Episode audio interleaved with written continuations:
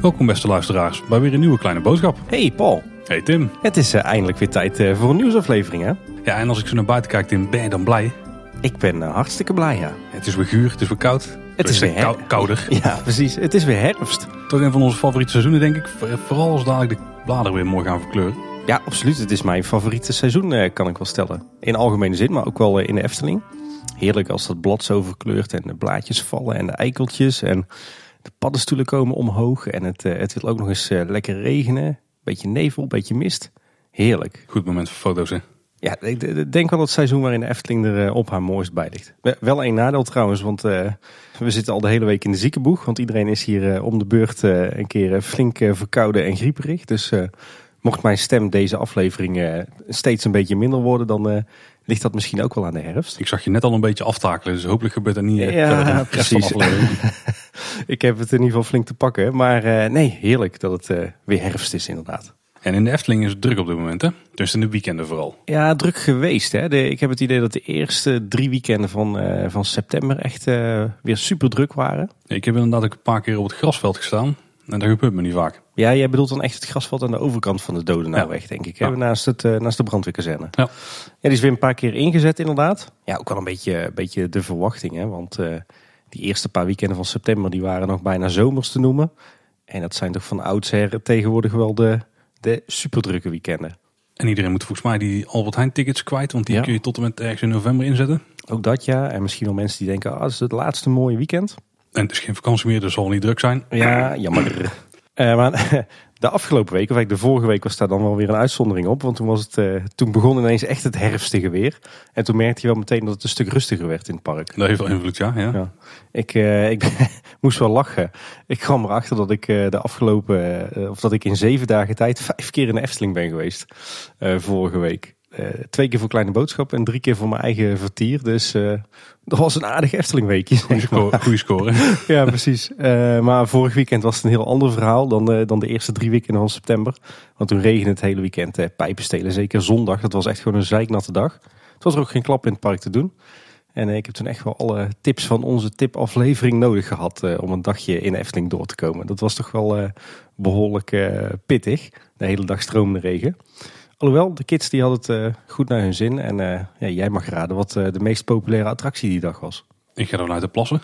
Ja, inderdaad, in de plassen stampen. Ja, dat hebben we met z'n allen gezellig gedaan.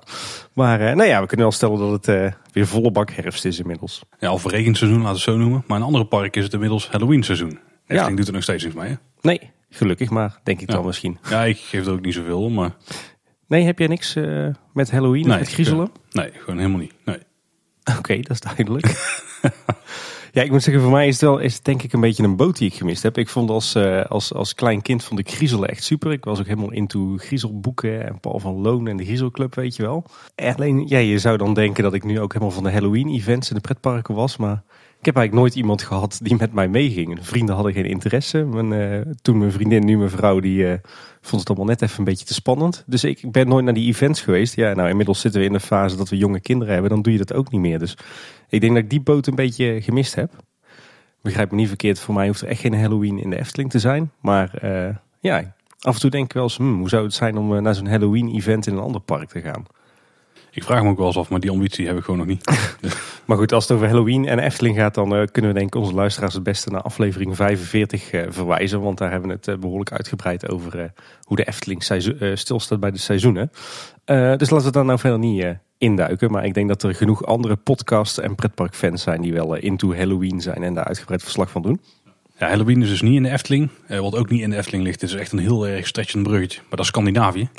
Dat heb je goed gedaan, Paul. Ja, we hebben inmiddels de tweede aflevering van de Buitenwereld online staan. Dus als je benieuwd bent naar onze avonturen die we daar hebben beleefd, ehm, dan kun je dus gaan checken. Ja, inderdaad. Of als je ons eens een keer over totaal iets anders wilt horen praten. Alhoewel, het gaat in die aflevering toch ook alweer redelijk vaak over eh, pretparken. Want jij Ja. bent, eh, waar ben je allemaal geweest, Paul? Eh pretpark technisch ben ik geweest in Linnanmäki, in Helsinki, in Kolmarden, in de middle of nowhere in Zweden. En in Liseberg in Göteborg. Ja, en ik heb het eh, in die aflevering uitgebreid over Tivoli Gardens in eh, Kopenhagen. Maar ook bijvoorbeeld over de Zoo van Kopenhagen en eh Den Blauw Planet. Voor de kenners, een mooi aquarium. Dus Als je naast Efteling ook wat hebt met, met reizen of met reizen met kinderen of met pretparken, dierentuinen, dan is die aflevering misschien wel een aanrader. Ja, zoals je gewoon inspiratie wil opdoen voor jouw volgende reisje. Ja, absoluut. Ja, we, vinden onze luisteraars die, eh, die aflevering, Paul? Want die vinden ze, als het goed is, niet in een eh, eh, gewone kleine boodschap feed. Nee, dan moet je even in een losse feed kijken. Dus zoek even in je podcast app naar de buitenwereld. Dan zou je moeten vinden. En je kunt natuurlijk ook gewoon naar onze website gaan. Dan ga je naar kleineboodschap.com en er staat bovenin een linkje in het menu van de buitenwereld. Ja. En dan kun je inmiddels twee afleveringen luisteren. Heel toevallig allebei over Scandinavië. Heel toevallig, ja. Ja, begint al eens op te lijken. Hey, het is tijd om even een paar mensen te feliciteren. ja precies. Ten eerste Thomas van Groningen van Team Talk. Ja, onze collega podcast host inderdaad. Die heeft de, de 36K Challenge in Disneyland Parijs gerend. Dat was bij het eh, Run Disney Weekend wat ze daar hielden. Ja. En eh, heel, heel veel respect. Dat doe ik je absoluut niet na. Nee, eh, same here.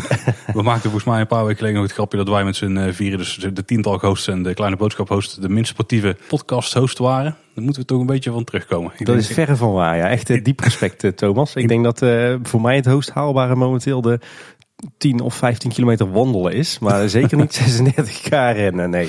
Ik denk dat wij gewoon de minst sportieve podcast zijn.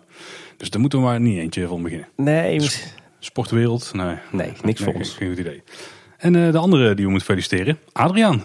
Ja, inderdaad. Adriaan van Zoo Inside, de enige Nederlandse dierentuinpodcast. Die moeten wij om twee redenen feliciteren. hè? Ja, ja, want ten eerste, Adriaan, gefeliciteerd, je bent papa geworden. Ja, inderdaad. Heel goed excuus om eh, mee op pad te gaan met kleine kinderen en allerlei zaken die wij interessant vinden. Ja, want dat is eigenlijk wel het, het, het leuke. Hè? Dat, eh, ik, ik hoor wel eens jonge ouders klagen over het feit dat ze geen tijd meer hebben voor hun hobby's doordat ze jonge kinderen hebben. Want ja, die vragen natuurlijk heel veel tijd en aandacht. Maar ja, wij hebben toch wel de luxe dat we allemaal hobby's hebben die ook heel leuk zijn voor kinderen. Ja, je moet je hobby's gewoon beter kiezen als je kinderen krijgt. Precies. En andersom hebben onze kinderen eigenlijk ook weer geluk. Ja, die Met papa's en gelukkig. mama's zoals wij. Maar ja, welkom bij de club van eh Pretpark Podcast Vaders. Oh ja, dat is ook al een clubje. Het zijn er nog niet zoveel, hè? Jij en ik, Paul. Dan eh Adriaan nu en eh Ralf en Michiel van Details. En voor de rest nog weinig eh, ouders eh, in Pretpark Podcastland. Ja, dat wordt wel steeds groter, hè, dus lastig om bij te houden. tegenwoordig. Ja, dat, dat is waar. En we moeten natuurlijk eh, Adriaan en Mark feliciteren met hun 50ste aflevering. Ja, ja topprestatie denk ik. En wat zeker een aanrader is, is ga de 50ste aflevering luisteren van Zoo Insight. Want zij hebben ook iets, iets bijzonders voor elkaar weten te boksen. Op dit moment is het nog geheim, maar wij weten al onder Nee, embargo. Het is niet geheim. Nee, is, eh, ze het eh, inmiddels We al... hebben een interview met de directeur van Burger Soes. Stond toevallig een teaser net voordat we gingen opnemen. Oh, oké. Nou, in Ja. ieder geval, inmiddels als deze podcast uitkomt, dan is het bekend. Maar ze hebben inderdaad een interview met Alex van Hoof, de, de directeur van Burgers Zoo. En dat is toch wel een van de mooiste, misschien wel beste dierentuinen van Nederland. Dus eh Dat is die in Arnhem, hè? ja, Dat, ja. ga het zeker luisteren. En Adriaan en Mark eh, op naar de volgende 50, zou ik zeggen. Zo, we zijn flink veel aan het zwetsen vandaag. Maar wel allemaal belangrijke dingen natuurlijk. Wat ook belangrijk is om te weten voor iedereen die onze oude afleveringen wil luisteren. We hebben een tijdje gehad dat je alleen maar de laatste 100 afleveringen kon luisteren van onze podcast. Eh, Tenminste via je app. Je kon ze allemaal wel via de site eh, vinden. Maar ze zijn inmiddels alle 118, deze meegerekend, te vinden in je podcast app. Ja, Dus en ook op Spotify, hè? Volgens mij wel. Ik weet niet precies hoe Spotify ermee omgaat, want die eh, trekt zijn eigen plan daar een beetje. Oké, nou sowieso vind je al onze afleveringen altijd ook terug op kleineboodschap.com. Uiteraard. En dan is het tijd om eh, erin te duiken, Tim. Ja, waar ik een paar korte reacties over de vorige nieuwsaflevering, dat was 115. We kregen van een aantal luisteraars te horen, waaronder Ricardo Uitermark en Erwin Taats, dat Draconicon is gebouwd door Heavy Decor en niet PNP Projects. Nee, inderdaad. Ik, eh, ik was helemaal in de verkeerde veronderstelling. Ik heb nog even op de site gekeken van Heavy Decor. Die bouwen echt leuke dingen, die gasten. Maar is ehm Ed nou niet van PNP? Eh, dat zou het misschien kunnen zijn. volgens mij ja, komt. ja, Ja. ja. Maar die, die mensen, dat is een bedrijfje uit Geertruidenberg, maar die bouwen echt hele gave constructies met, eh, met staal. Met een beetje vintage uiterlijk, een beetje steampunk. Ook hele gave overkappingen en tenten. Zoals en, eh, Draconicon. dus Zoals Draconicon. Heel cool. ja. En we hadden het de vorige keer ook over het ontbreken van de misteffecten. En er was een theorie dat het misschien iets met Legionella te maken had. Mhm. Maar een woordvoerder van de Efteling die ontkent dat. En eigenlijk komt het er gewoon op neer dat die machines gewoon onderhouden moeten worden. Dat de dingen gewoon kapot zijn en dat het niet opgepakt wordt. Ja, dus geen ik- prioriteit. Ik zou er nog steeds wel het fijne van eh, willen weten. Overigens ook nog een klein follow-up puntje. We hadden het de vorige keer over eh, de nieuwe menus in de verblijfsaccommodaties. En eh, ik heb mijn, mijn vrouw op pad gestuurd en mijn schoonmoeder daarna om eens wat nieuws te gaan testen. Maar die kregen tot twee keer toe een broodje rauwe kip voorgeschoteld. Dus ik denk dat het nieuwe menu nog wat aandacht behoeft eh, in de verblijfsaccommodaties. Die stond niet op het menu toch? Rauwe kip. Nee, Nou, dat was het probleem. dat was het issue, ja. In ieder geval iedereen weer bedankt voor eh, de aanvullingen en de correcties. Want uh, ja, samen maken we Kleine Boodschap toch nog net een beetje beter hè? Zeker. En zullen we dan nog de hoofdonderwerp induiken? Ja, goed punt. Waarbij we er eigenlijk niet aan ontkomen om de zes zwanen nog een keer aan te halen. We hebben natuurlijk heel de vorige aflevering al uitgebreid over gehad. Aflevering 117. Dus als je vol met spoilers alles wil weten over de zes zwanen, luister dan zeker die aflevering. Maar inmiddels weten we nog een paar details extra. Dat is altijd, er komt altijd nog iets meer uit en meer mensen gaan kijken en dan ontdek je nog dingen. Ja, en uh, misschien zijn we zelf ook wel enigszins van gedachten veranderd. Ja, en, en wat natuurlijk ook is gebeurd, uh, waar ik zelf wel redelijk om kon lachen, is uh, alle foto's die van ons gemaakt werden in videobeelden. ja, ja. er op Twitter verschenen. Ik heb aardig wat, wat foto's en gifjes voorbij zien komen van ons, ja. Ja, en er was zelfs een Franse ja, dat was een, ook een soort pretpark-fan-account, maar dan uit Frankrijk. En die had een foto van ons gespot en die hadden daar in het Frans iets onder gezet van... Uh, kijk eens hoe professioneel Efteling-fans zijn, dat ze...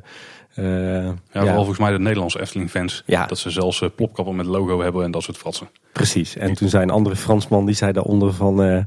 De microfoon is beter gekleed dan de interviewers. Dus uh, merci beaucoup. Hè? Ja. Overigens, toen we daar toch mee bezig waren, toen we, wist Arthur ons nog te, erop te wijzen dat kleine boodschap in het Frans Roger le Messager is. Dus, dat klinkt ook chic. Ja, precies. Dus als we nou een Franse zijtak willen beginnen, dan Dit wordt wel de meest kansloze podcast ja. bijprojecten wat we dan zouden hebben, denk ik. Exactement. Maar ja, het, het was in ieder geval een hele toffe, toffe ochtend, hè, die opening. Veel bekenden gezien. Ja, zeker. En uh, wat misschien wel is opgevallen dat we nogal een lang interview hadden met Sander. Onze tactiek is altijd van, we blijven gewoon lang hangen tot het einde. En dan uh, pakken we als laatste iemand om te interviewen en dan hebben we het meeste tijd. Uh, misschien leuk als, als het gaat om die opening nog een paar aanraders. De Vijf Zintuigen heeft een leuke, leuke video gedraaid. Bart Baan heeft ook een hele tof uitgebreide special gemaakt. En er staat ook een, een heel uitgebreid mooi artikel op Eftepedia over de Zes Zwanen. En we zullen de, de linkjes daarvan in de show notes zetten. En dan nu zo'n week nadat de Zes Zwanen is geopend. Ik mis nog steeds die vijfde making of over de muziek. Ja, dat is eigenlijk een heel raar verhaal hè. Ik nou, had... voordat we dit zeggen. Het kan natuurlijk zijn dat hij morgen nog uitkomt. Hè? Ja. Dan is het achterhaald. Maar. Dat hebben we de vorige keer ook gezegd, volgens mij in de vorige aflevering. Maar ja, dat is heel raar inderdaad. Uh, er moesten nog een aantal delen uitkomen. Landscaping was vrij uh, kort voor de opening uitgebracht. Maar we zitten daar nog steeds te wachten op het, uh, het, vijfde deel over de muziek van de Zes Zwanen. Ja. Is al wel opgenomen volgens mij. Ja, dat zal wel, ja. ja. Maar wanneer dat die gereleased wordt? Ja, ja, ik neem aan dat we binnenkort gaan zien. Ik snap ook wel dat ze hem niet meteen in dezelfde week doen. Nu hebben ze toch al al die aandacht. Dus misschien dat het volgende week komt of zo. Ja, dat zou kunnen. Maar de muziek hebben we toen wel uh, deels bewust een beetje laten liggen. Ook omdat we, ja, misschien dat was niet de setting om het helemaal mee te krijgen. Nee, we hadden eigenlijk ook stiekem gehoopt dat René Merkelbach ook bij de opening zou zijn. Dat we daar even wat woordjes mee zouden kunnen wisselen. Maar ja, dat was uiteindelijk niet zo. Ja, daar ook en toen dachten we van de knoop het mooi vast als die making of uitkomt. Maar zullen we het over de muziek hebben dan? Ja, lijkt me goed. De muziek ben, van de Zes Zwanen. Ja, ik ben heel blij met die muziek. Het is uh, eigenlijk net als een sprookje wel ingetogen, maar wel gewoon uh, stijlvol. Het is eigenlijk uh, heel simpel en het bestaat maar uit drie, uh, volgens mij twee instrumenten en een, uh, en een koortje. Misschien vier instrumenten. Ik betrapte me er afgelopen week heel vaak op dat ik hem gewoon aan het meeneuren was. Gewoon in het niks als ik in de kantine stond op kantoor of zo. Of als ik ja. in het huis een beetje bezig was. En toen moet ik wel een beetje denken. En dat, dat, is bij mij altijd een goede aan een paar van die oude videogames die ik speelde. Van die omgevingsmuziekjes zeg maar. Gewoon van als je door een dorpje rent. Ja, ik ben het eigenlijk helemaal met jou eens. Ik vind ook een. een Jij speelt uh, ook videogames. Nee, ja, dat niet dan. Helemaal niet. Nee, ik, ik ben, moet zeggen dat ik ook wel heel erg content ben met de muziek van de Zes Zwanen. Ik vind hem heel mooi, uh, klein en verfijnd.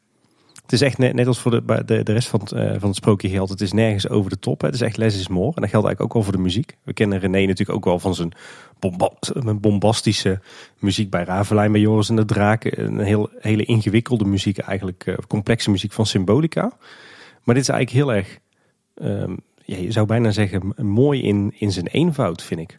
Het is, ik vind het meer een eurwurm dan uh, Symbolica. Minder ja. dan Baron of Joris in de Draak, maar wel op een hele prettige manier. Ja, het, ik, het, denk dat het wel meer een eurwurm is dan Baron ook nog. Het is ook een iets minder voor de hand liggend melodielijntje of zo. Maar het is heel prettig om ja. te luisteren. Ik vind denk ik misschien nog wel het, het, het, het, hele basic melodietje in de wachtrij misschien nog wel het mooist. Die is op, volgens mij alleen op harp gespeeld. Hè? Mm -hmm. En ik betrap mezelf erop, we hebben zo'n mp3'tje gekregen van de, van de muziek. Volgens mij zwerft die inmiddels ook wel uh, op het uh, wereldwijde web rond. Uh, maar ik betrap me erop dat ik die inderdaad heel vaak even op de achtergrond opzet op een loopje. terwijl ik me ergens op aan het concentreren ben. Dus het is hele fijne muziek om op de achtergrond op te hebben staan. Nee, ik vind het ook wel mooi hoor, als de strijkers en de zanglijnen erin komen. Het koortje zeg maar. Zeker. Dan zwelt hij mooi ja. aan. Ik vind Goede muziek. Ja, Het is, eh, dit- dit is heel anders dan we van René gewend zijn meestal. Weinig twinkels en weinig bombast, maar eh, net zo goed ontzettend mooi en indrukwekkend. Zo zie je maar dat hij gewoon de muziek toepast op de plek waar hij... eh, Of dat, dat hij de muziek zo schrijft, zodat hij goed toegepast kan worden op de plek waar die gebruikt moet worden. Ja, absoluut. Echt genieten. Kippenvel. En wat we die dag zelf ook zagen, maar niet hadden besproken in de aflevering, is dat er bij de Kleine Klaroen nu ook eh, de zes zwanen slagroomsoezen te koop zijn. Tenminste, zoiets is het denk ik. Ik heb ja, ze het is een slagroomsoes. Je hebt, ze- je hebt het wel getest, hè? Ik heb er eentje getest op die, eh, die zondag dat, eh, dat we tot onze enkels in het water stonden. Als je in de vijver gaat staan dan. Of, eh, Ja, bijna. Dat had wel gekund trouwens. Maar nee, het, het, het kwam toen echt met bakken uit. Maar ik heb inderdaad ook zo'n slagroomsoesje geprobeerd. En hij ziet er mooier uit dan dat hij smaakt. Oké. Ik vind, ik vind het een hele mooie, eh, ja, zeg maar thematische snack. Paul, hoe heet dat ook alweer? Een eh, signature snack. Ja, precies. Eh, nee, heel leuk gevonden, maar hij, hij smaakt eigenlijk niet echt ergens naar. Dus ja, wel leuk gedaan. Wat trouwens ook opviel is dat, een, niet, niet die zondag dat het zo regende, maar de dag ervoor op zaterdag, toen was het lekker druk in het Sprookjesbos. En toen stond er ook meteen een grote souvenirkar van de Efteling bij het Sprookje opgesteld. Dus ze weten wel meteen waar ze moeten zijn, zeg maar. Was ik niet om daar de pins te verkopen misschien? Nee, dat gebeurde toen al niet meer. Oh, oké. Hey, ik zag ook wel foto's van jullie toen jullie nog voor een derde, vierde keer misschien wel richting de zwanen waren getrokken. Ja, inderdaad. ik zag daarbij dat jullie met twee volwassenen en één kind in een zwaan zaten. Maar dat kan dus ook. Ja, dat verbaasde mij ook. Want de, in principe is de configuratie of twee volwassenen of drie kinderen of twee kinderen en één volwassene. Dus wij dachten toen we erin gingen van nou, dat, eh, dan gaat mijn vrouw met eh, de oudste dochter en ik gaan dan wel alleen. Maar we kregen zwaar toch wel bij het instappen van oh nee, dit kan ook wel hoor. Ja, misschien kijken ze een beetje naar de grootte van de kinderen of zo. Denk ik. Ja. Het paste, het paste, paste prima ook in de zwaan. En wat mij opviel is dat ik al foto's zag langskomen van eh, licht beschadigde zwanen. En denk vooral bij de plek waar de vleugel dicht slaat. Ja, inderdaad. En ik zag ook al volgens mij wel een plekje waar de, de verf een beetje aan het onthechten was. Ja, aan de linkerkant bijvoorbeeld. Ja, daar viel me ook op. Maar volgens mij is daar met de hand nog een beetje geschilderd. Klopt ja. Ja. Dus eh, dat, dat- ik zag dat wel, die kleur van de zwanen was anders dan de, de verfstreken die daar zaten. Dus misschien dat dat dan leek zo. Ja. Of ging dat eraf? Eh, nee, nee, dat, volgens mij was het wel bijgewerkt. Maar ik ken inderdaad wel de verhalen dat de bedoeling was dat die vleugels automatisch open en dicht gingen. Ja, ja. Nu moet het met de hand. Dat is uiteindelijk niet het geval, want ze, worden nu handmatig geopend en gesloten door de medewerkers. Maar dat moet af en toe met nogal wat eh, grof geweld, heb ik het idee, om die goed open en dicht te krijgen. Dus misschien dat daar de zwanen aan de buitenzijde eh, van beschadigen. ja, zou best kunnen inderdaad, ja. Ik kan me overigens niet, niet voorstellen dat het iets is wat op het laatste moment is gewijzigd hoor. Ik bedoel, het lijkt mij op het moment dat je die zwanen bestelt, dat je dan toch al wel duidelijk hebt of dat ze de, de vleugels automatisch of met de hand open gaan. Ja, misschien werkt het systeem nog niet. En is dit nu de bijtijdelijke oplossing? Hmm, zou kunnen.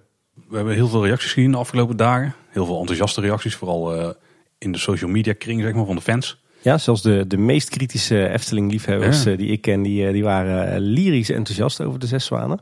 Maar heb jij nog iets meegekregen? Want ik ben verder niet meer naar de Zwanen geweest na de opening. Heb jij nog iets meegekregen wat de normale bezoekers ervan vinden? Ja, volop eigenlijk, want ik ben er nog best wel vaak geweest sindsdien.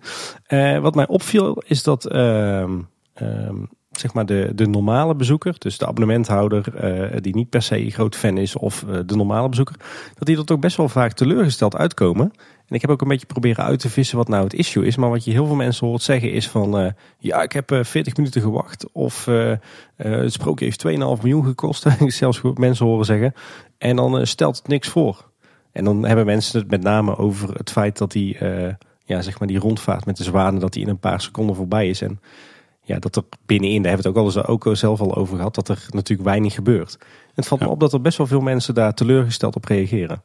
Kan ik me wel voorstellen. Ja. Ik denk dat 40 minuten wachten ook wel echt te lang is. Ik denk Ja. een minuut of 20 of zo. Het was helemaal echt omdat die, die zondag een half uur in de regen hadden staan wachten. Heel veel mensen voor en achter ons die vonden daar toen helemaal wat van. Maar ik, ik denk eerlijk gezegd, ik, ik snap het wel. Ik denk dat het ook niet heel erg is. Want misschien is dit juist ook wel een, een soort van natuurlijke manier om de doelgroep te schiften. Ja, en het is nu gewoon druk vanwege de, de, de recente openingen. Dat zijn voor ons ook, op een gegeven moment wordt het gewoon rustiger. Ja.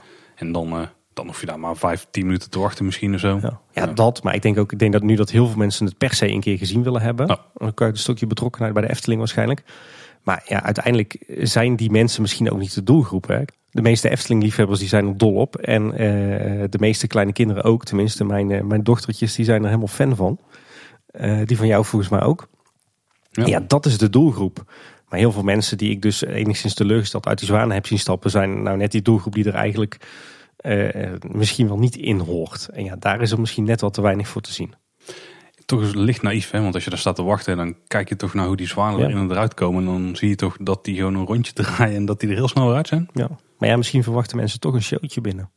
Ik denk dat daar met 15 name, seconden of zo. Ja, ik denk dat daar met name dat ze daar iets heel spectaculairs verwachten of zo. Hm, ik ken nog iemand die dat een beetje als probleem zag. Maar daar hebben we het Ja, precies. en wat overigens wel een positief bijeffect is, dat viel mij eh, eh, zeker het vorige weekend op, is dat het eh, inderdaad daadwerkelijk al een stuk drukker is bij eh Assenpoester. Ja, Dus die opzet die werkt. ja nou, dat hebben ze goed gedaan hè. Ja. Laten we houden. Hey, we kregen een paar volop zaakjes specifiek over de zes zwanen. Dus die hebben we hier even bij gebundeld. Ze kregen van Roderick een kleine toevoeging. Want ik had het toen over het wapen wat me opviel. Met die, ja, die Phoenixen of zo noemde ik het volgens mij. En toen Ja. zei hij dat het meer op een dubbelkoppige adelaar lijkt. Een teken geassocieerd met het keizerrijk Duitsland, keizerrijk Oostenrijk, het keizerrijk Rusland, Albanië, Servië en Montenegro. En heeft hij helemaal gelijk in. Ja. Ja. Ik, dat was inderdaad wat in mijn hoofd op, eh, wat ergens in mijn hoofd rondzweefde, maar daar kwam ik op dat moment niet op. maar Nee, dit is ja. inderdaad precies wat er blijkt. Ja. Ja, en eh, Sander heeft in een andere podcast volgens mij ook bevestigd dat, eh, of in een ander interview, dat het ook het familiewapen is hè, van ja, de koninklijke familie die in het slot woonde. En ik kreeg van Jan van Damme te horen. Ik hoor jullie steeds zeggen dat de Zes Zwanen geen bekend sprookje is. In Vlaanderen is het sprookje echter heel bekend dankzij de luisterspelen van het Geluidshuis. Daar hebben wel meerdere mensen op gewezen, op het Ja. Geluidshuis. Ja. Dus heel wat Vlaamse kinderen gaan dit sprookje als bekend verwelkomen. Hier een link naar de luistercd, die zullen we in de show notes delen. Ja. En eh, ja, is in België blijkbaar wel heel bekend. Ja, Maar inderdaad. Heb ik ook meerdere mensen horen zeggen hoor. Hier eh, in Nederland dus niet. ik ben ook niet bekend met het Geluidshuis, maar dat zullen we dan eens gaan checken. Hij, eh, wat jij zegt, we zijn al eerder getipt over het geluidshuis eh, voor Ja, andere sprookjes. Frederik eh, kwam er volgens mij mee. Ja, maar, ja. Klopt. Ja. En dit was een hele, hele toffe. Van Milena kregen we een berichtje.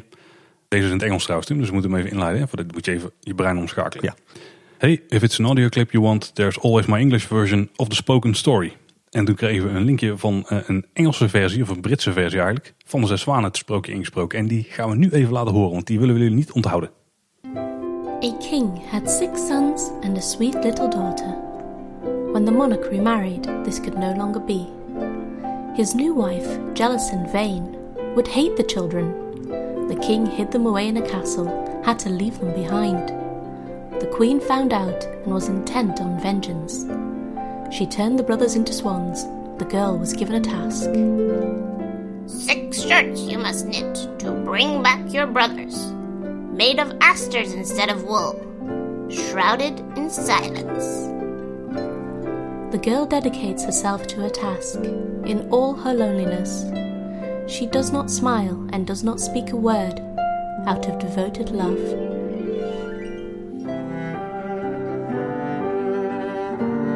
Dat klinkt wel heel goed, hè, Tim. Dit is heel, eh, heel gaaf. Ik krijg er toch wel een beetje kippenvel van. Ja, ik vind het echt heel goed gedaan. Dus Milena, echt puik, want ik weet dat je luistert. Ja, ja en dit is Milena zelf hè, die dit heeft ingesproken. Ja, dat- ik had al zo'n vermoeden, maar ik, we kennen haar natuurlijk niet zo goed. Nee, maar dat, de, het als je de, de link volgt, dan zullen we de link naar de, naar de website ook even in de show notes zetten. Dat is eh, de, eh, de, de website speciaal voor Engelstalige eh, Efteling-fans. En die site is van Milena zelf, weten we inmiddels. En zij heeft dus inderdaad de vertelling van Wieteke van Dort heel fraai vertaald in het, het echte Brits-Engels. En dat op een hele mooie manier ingesproken. Ja, heel erg goed. Dus eh, dank je daarvoor. Mag ik eens een steen in de vijver werpen, Paul? Doe dat maar eens. Nee, dat is, dat is trouwens ook een leuke woordspeling. Dat ga ik niet in de gaten. Wel naast de zwanen dan. Hè? Ja, voor mij eh, zouden ze best eh, dit eh, afwisselen met de Nederlandse vertelling van uh, Wieteke van Dort mogen gaan te horen brengen in de Zes Zwanen. Hoor. Ja, we vroegen toen al aan Fons van hoe ga je eigenlijk doen met Engelse, of in ieder geval buitenlandse gasten die geen Nederlands spreken. En toen zeiden ze, ja, daar hebben we in principe het sprookjesboek voor. En we hopen dat ze door het ritje en dan het lopen we alles meekrijgen. En ik snap wel dat ze niet het Engelse continu gaan draaien, want ja, daar heb je niet zo heel veel aan. Maar Maar afwisselend? ja, Kijk, ik, ik zeg niet dat, dat de vertellingen bij bestaande sprookjes, dat je daar ook een, een Engelse vertelling naast moet zetten. Want het, eh, in verband met nostalgische waarde zou ik dat niet doen. Maar als je in 2019 een sprookje opent en je bent serieus bezig met de internationalisering, wat de Efteling echt wel is, dan zou ik het toch ook wel acceptabel vinden als je een vertelling van Wieteke van Dort afwisselt met een hele fraaie Engelse vertelling. En dan liefst niet door Wieteke van Dort, want dan krijg je weer zo'n steencode Engels. Eh, dan mag het voor mij ook best van een, eh, een eh, bijzonder fraai Brits sprekende dame zijn die we verder niet kennen.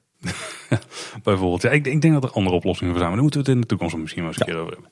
Ja, we hebben nu dus de Zes Zwanen meer meegekregen, in ieder geval vooral, jij. Eh, is ons oordeel nou een beetje aangepast al? Bij mij wel. Maar hoe zit het bij jou? Ik ben dus niet meer geweest, dus ik heb mijn oordeel in het algemeen niet echt kunnen aanpassen. Dan ben jij een nepfan, zeg maar. Ja, ja. ja het, vandaar het trainen gewoon te hard voor mij, eh, Tim. Slecht weer bestaat niet, hè, zeggen ze in Zweden. Nee, dat weet ik, maar we hadden er geen juiste kleding voor, Tim. Nee, ik heb wel een paar puntjes die ik toen niet heb gemeld tijdens die aflevering. eh, die, de vorige aflevering. Er waren wel een paar puntjes die, die me namelijk bij de preview opvielen. Een paar verbeterpuntjes of in ieder geval eh, kleine aanmerkingen. Maar toen we daar met de opening waren, toen dacht ik van ja... Toen had ik dus niet bewust op gelet. En dan valt het ook gewoon niet op. Dus toen dacht ik van ja, is het de moeite waard van het vernoemen? Ik ga het toch doen, want ik heb er inmiddels een theorietje bij. Oeh, Ja. ik ben benieuwd. Wat me namelijk opviel is als je vooral eh, in de scène door, ja, als je de looproute pakt zeg maar. En je Mhm. kijkt om de scène in. En je gaat een beetje goed naar boven zitten turen. En doet het dus gewoon niet, want het is eigenlijk niet zo heel boeiend. Of niet zo heel leuk. Dan zie je dat de manier waarop het licht is weggewerkt niet helemaal optimaal is. En als je bijvoorbeeld symbolica hebt, dan hebben ze het volgens mij op veel plekken gedaan. eh, boven, ja, zeg maar in de plafonds op een manier waarop je ze niet echt kunt zien vanuit de voertuigen. Maar nu heb je natuurlijk nog meer zichtlijnen. Omdat je de zichtlijnen vanuit de zwaan hebt. En de zichtlijnen vanuit het, eh, ja, het kijkersraampje zeg maar. En dan eh, zie je dus wat gaten in het plafond. Waar dan de spots in verstopt zitten. En die zien er een beetje, ja, weet wel, een beetje ongelukkig uit. Maar ik heb er wel dus een theorietje over inmiddels. Ja. Dan moeten we eigenlijk even terug naar de concept art. Eh, want daarbij had je heel duidelijk die, die zonnestralen die zo op Elisa vielen. Ja.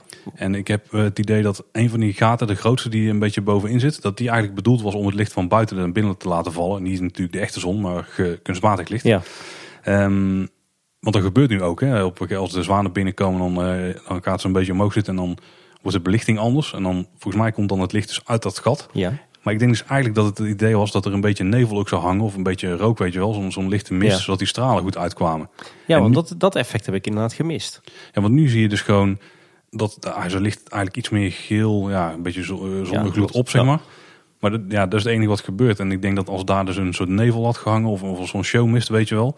Ik denk dat je dan veel meer dat zonnestraaleffect had gehad. En als die dan uit zo'n gat waren gekomen, dan was dat heel logisch. Dat het Ja. buiten guur is en dat dan de, zon, de, de, de lucht openbreekt en dat het dan binnenvalt, zeg maar. Ja. Dus ik denk, denk eigenlijk dat dat het idee was. En dan waren die gaten ook een stuk minder vervelend. Ja. Maar ja, ik zeg al met de opening, toen heb ik er dus niet eh, bewust op zitten turen, want we waren bezig met de audiotour en zo.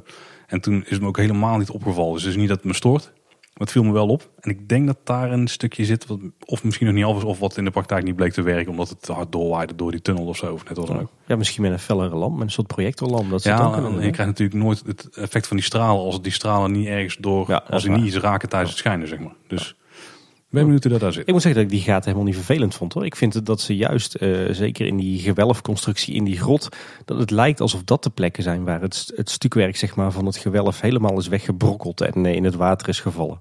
En dat daardoor die gaten in het stukwerk zitten. Ja, ik heb het vooral over het grote gat wat daar een beetje in de rotswerk Hmm. zit. Oké. En die andere Maar gaten het heeft mij niet gestoord moet ik zeggen. Nee, nee, het stoorde mij dus ook niet. Maar het viel me op en ik heb het daarna helemaal niet meer gezien eigenlijk. Het is me niet opgevallen meer. En jouw oordeel Tim, want jij bent dus wel nog eh, kritisch gaan kijken. Ja, nou ja, inderdaad. Nou ja, kritisch. Het, het was met name dat ik in de, in de vorige aflevering eindigde met dat ik, eh, dat ik er nog niet voor mezelf helemaal uit was eh, wat ik ervan vond. Met name van eh, het showtje. En ik heb voor mezelf nu wel een ei gelegd. Een zwaanei. ja, een zwanenei, wie weet.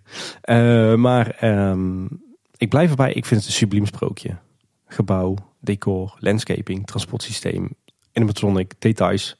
Subliem. Subliem in zijn eenvoud, in, in less is more, in, in het nostalgische, in het Eftelingse. Subliem. Daar, daar, daar, daar ga ik gewoon ook niet meer aan tornen. Dat is gewoon fantastisch. En ik ben ook nog eens gaan denken van, hoe zit, wa- wat vind ik nou van dat showtje? Dat het dat eigenlijk dat het niet echt een show is. Behalve dus eh, Elisa die opstaat en Mhm. een beetje volgt. En ik moet zeggen dat ik me nu inmiddels wel aansluit bij jouw woorden, Paul. Van ja, het is toch eigenlijk juist fantastisch dat er hier nu niet is gekozen voor echt een show. Die een verhaal vertelt met licht en geluid en allerlei spektakel. Maar juist voor een ouderwets kijktafereeltje. Dat vind ik eigenlijk ook inderdaad een hele sterke, gewaagde keuze. Eh, en ook goed voor de afwisseling. En ook goed om te zien dat ze in 2019 ook gewoon een heel ingetogen sprookje eh, kunnen maken met een, een, een, mooi klein gebaar. Dus dat vind ik heel mooi. Ehm, ik denk dus ook dat het niet erg is dat heel veel mensen teleurgesteld zijn en, het showtje saai vinden. Want ik denk, ja, dat is gewoon een manier waarop je eh, de doelgroep een beetje filtert.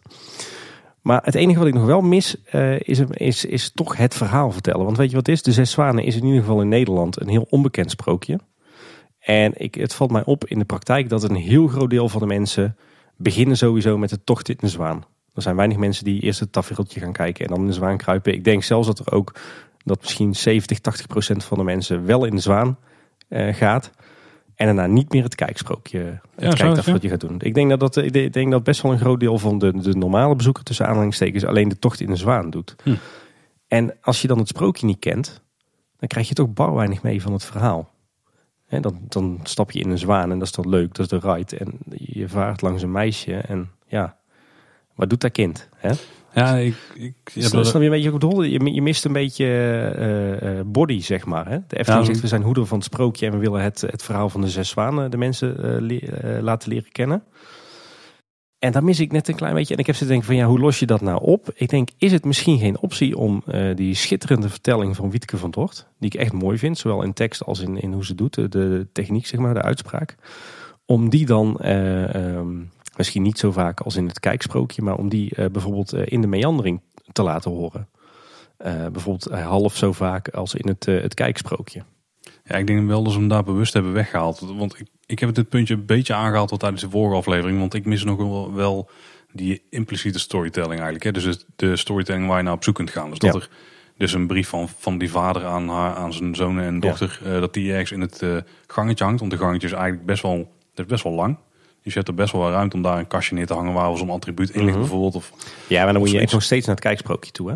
nou ja, precies. De, de- en zoiets zou misschien in de meandering kunnen... maar dan is het wel iets meer geforceerd. Want waarom ligt die buiten? Dat is helemaal niet logisch Nee. natuurlijk. Ik zit er een beetje mee dat het grootste deel alleen het, eh het zwanenstukje zou gaan doen. Dus de vaart, zeg maar. Ja. Ik hoop eigenlijk wel dat iedereen nog ging lopen. Want ik denk dat je daar juist, ja, daar krijg je ook de vertelling natuurlijk. Maar dat je daar eh, iets meer ervan mee zou kunnen geven.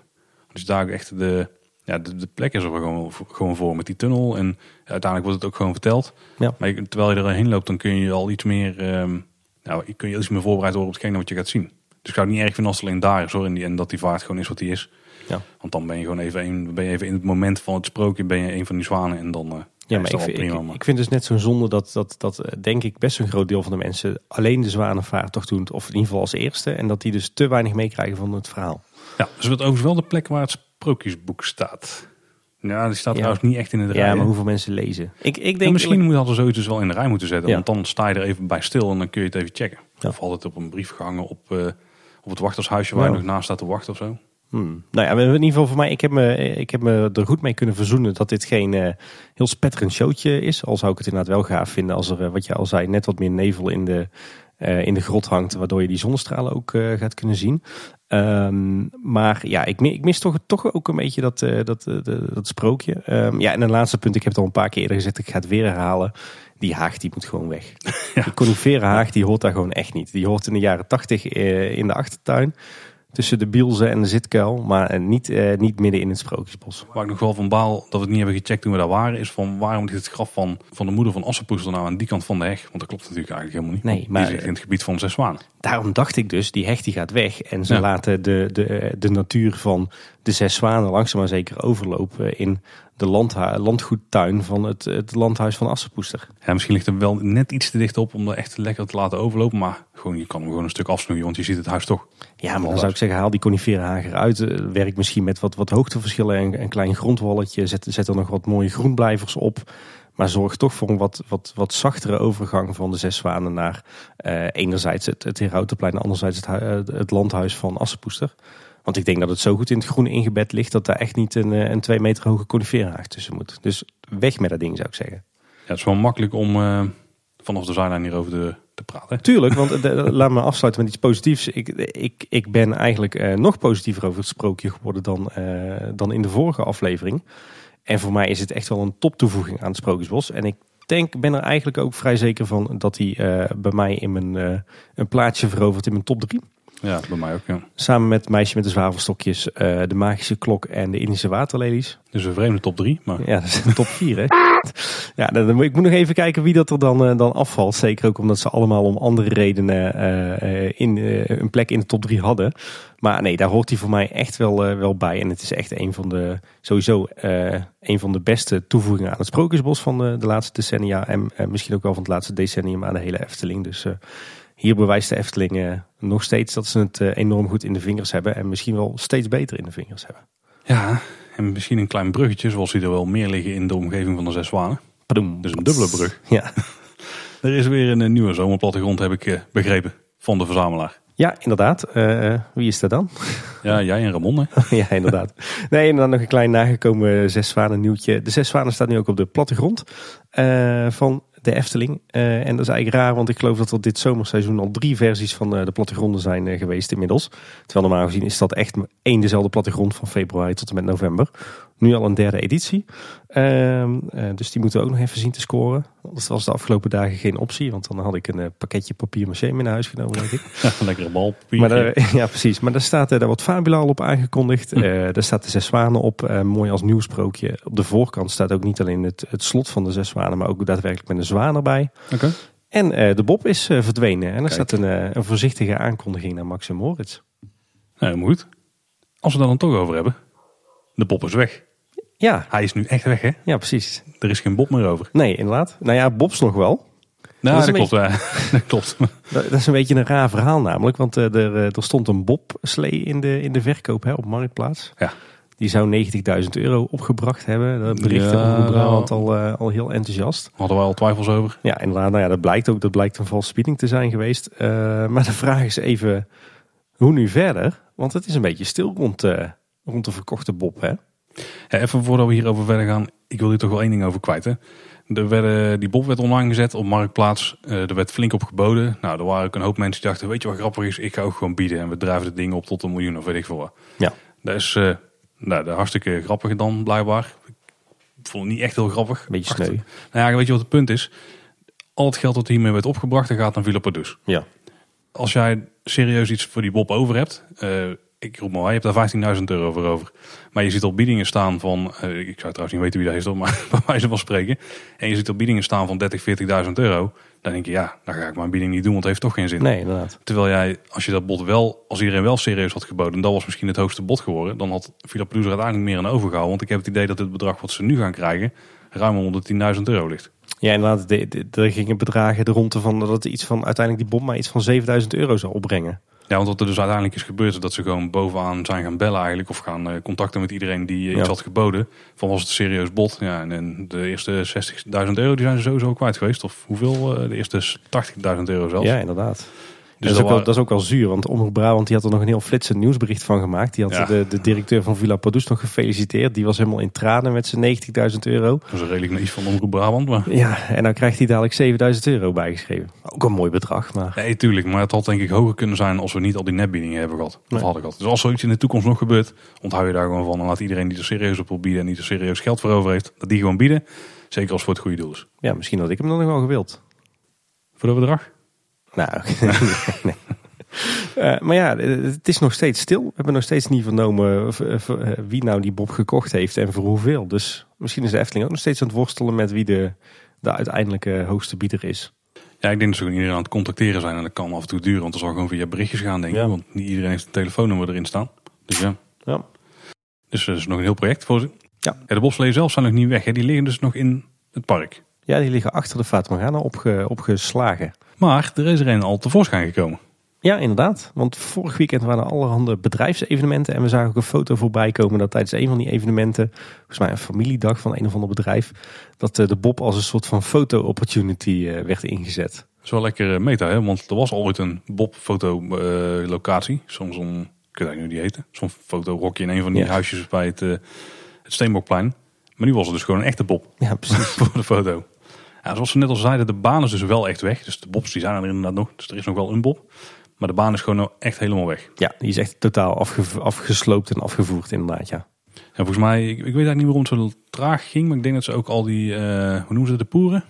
Ja, Waar alle stalers in stonden, Ja, de dat ze die ook hebben weggewerkt of weg moesten halen. En dat kostte natuurlijk veel tijd, want die waren best veel. ja inderdaad. En zo hebben ze naar achter gewerkt en nu is alles weg. Volgens Ja. mij is ook heel de grond nou eh, dus leeg. Ja, klopt. Nou ja, soort van. Ja, er wordt ook alweer gewerkt aan de baan, hè? Want eh, ze zijn eh, nu bezig met, eh, met de, nieuwe betonpoeren voor de baan. Ja, precies. Ja, dus je kunt het baanverloop nou al een beetje zien. Maar dat gaan we daar nog heel even Ja, over hebben. precies. Eh, de, de, de- dus er wordt inderdaad al, al volop gewerkt aan de fundering van de nieuwe baan. Maar de, de, eigenlijk de meest interessante bouwwerkzaamheden zien we een beetje rond het station. Hè?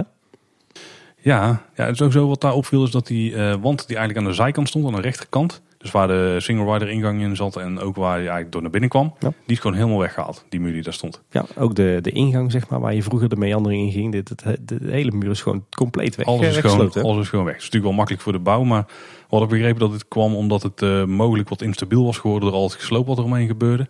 En door alle trillingen in de grond en zo. En dat ze hem gewoon hebben weggehaald en dat hij wel weer terugkomt. Ja, inderdaad. Dat, eh, die tip kregen we van de insider. Ja, er, er wordt volop gewerkt aan het station van de Bob. Aan de, aan de achterzijde is er eh, momenteel weinig van, eh, van over. Daar kijk je gewoon het station in. Is ook eh, vrij logisch, want aan, de, aan die zijde, zeg maar de kant waar de meandering straks ook komt, daar wordt nog een heel stuk aangebouwd. Dus zijn ze met het grondwerk bezig. Ja. Eh, maar, maar aan de voorzijde wordt, al, wordt eigenlijk al volop weer opgebouwd. Er is heel wat te zien. Eh, zo viel op dat, eh, dat die gekke plantenbak die eh, altijd voor het, het station lag, voor het stationsgebouw, daarvan hadden wij gezegd die is gesloopt en die verdwijnt, want er komen al die huisjes te staan. Maar dat is niet helemaal waar. Want, ja, hij eh, deels gesloopt. Hè? hij is De- deels gesloopt, ja. Ja, de rechterkant die is inderdaad voor een stuk weggehaald. En daar hebben ze eigenlijk een nieuw zijwandje er tegen aangezet, waardoor die weer aansluit op het gebouw. Ja. Dus er is weer iets van een gekke plantenbank-ding of zo. Ja, Ja. precies. We gaan het meemaken wat het er wordt. Ja.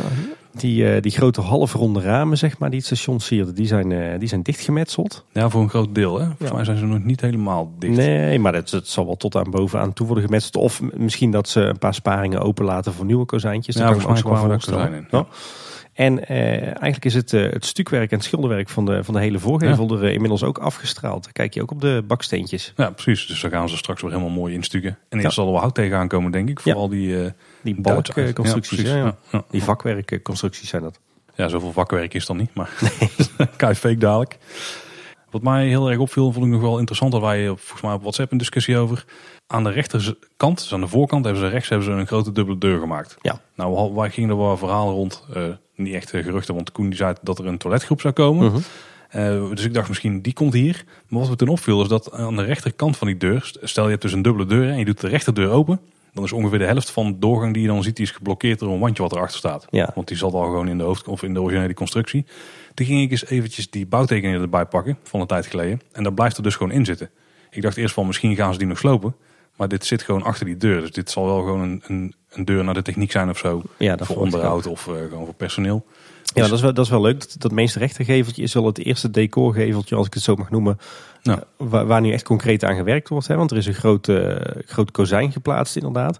Daarboven hebben ze een soort van ja, uitkragende staalconstructie eh, vastgemaakt aan de gevel. eh, waar ze het bovenste geveldeel op gaan bouwen. Oh, die zit er al in. Ja, die Oh, zit er al in. Zeg maar een soort geveldrager. Die, die komt net iets uit, uit de gevel van het bestaande station. En eh, daar hebben ze inmiddels ook al het, eh, de, de staalconstructie gemaakt voor het, het dakje wat daar gaat komen. Ja, dat is het puntdak hè. Ja, en die is inmiddels ook al met hout bekleed.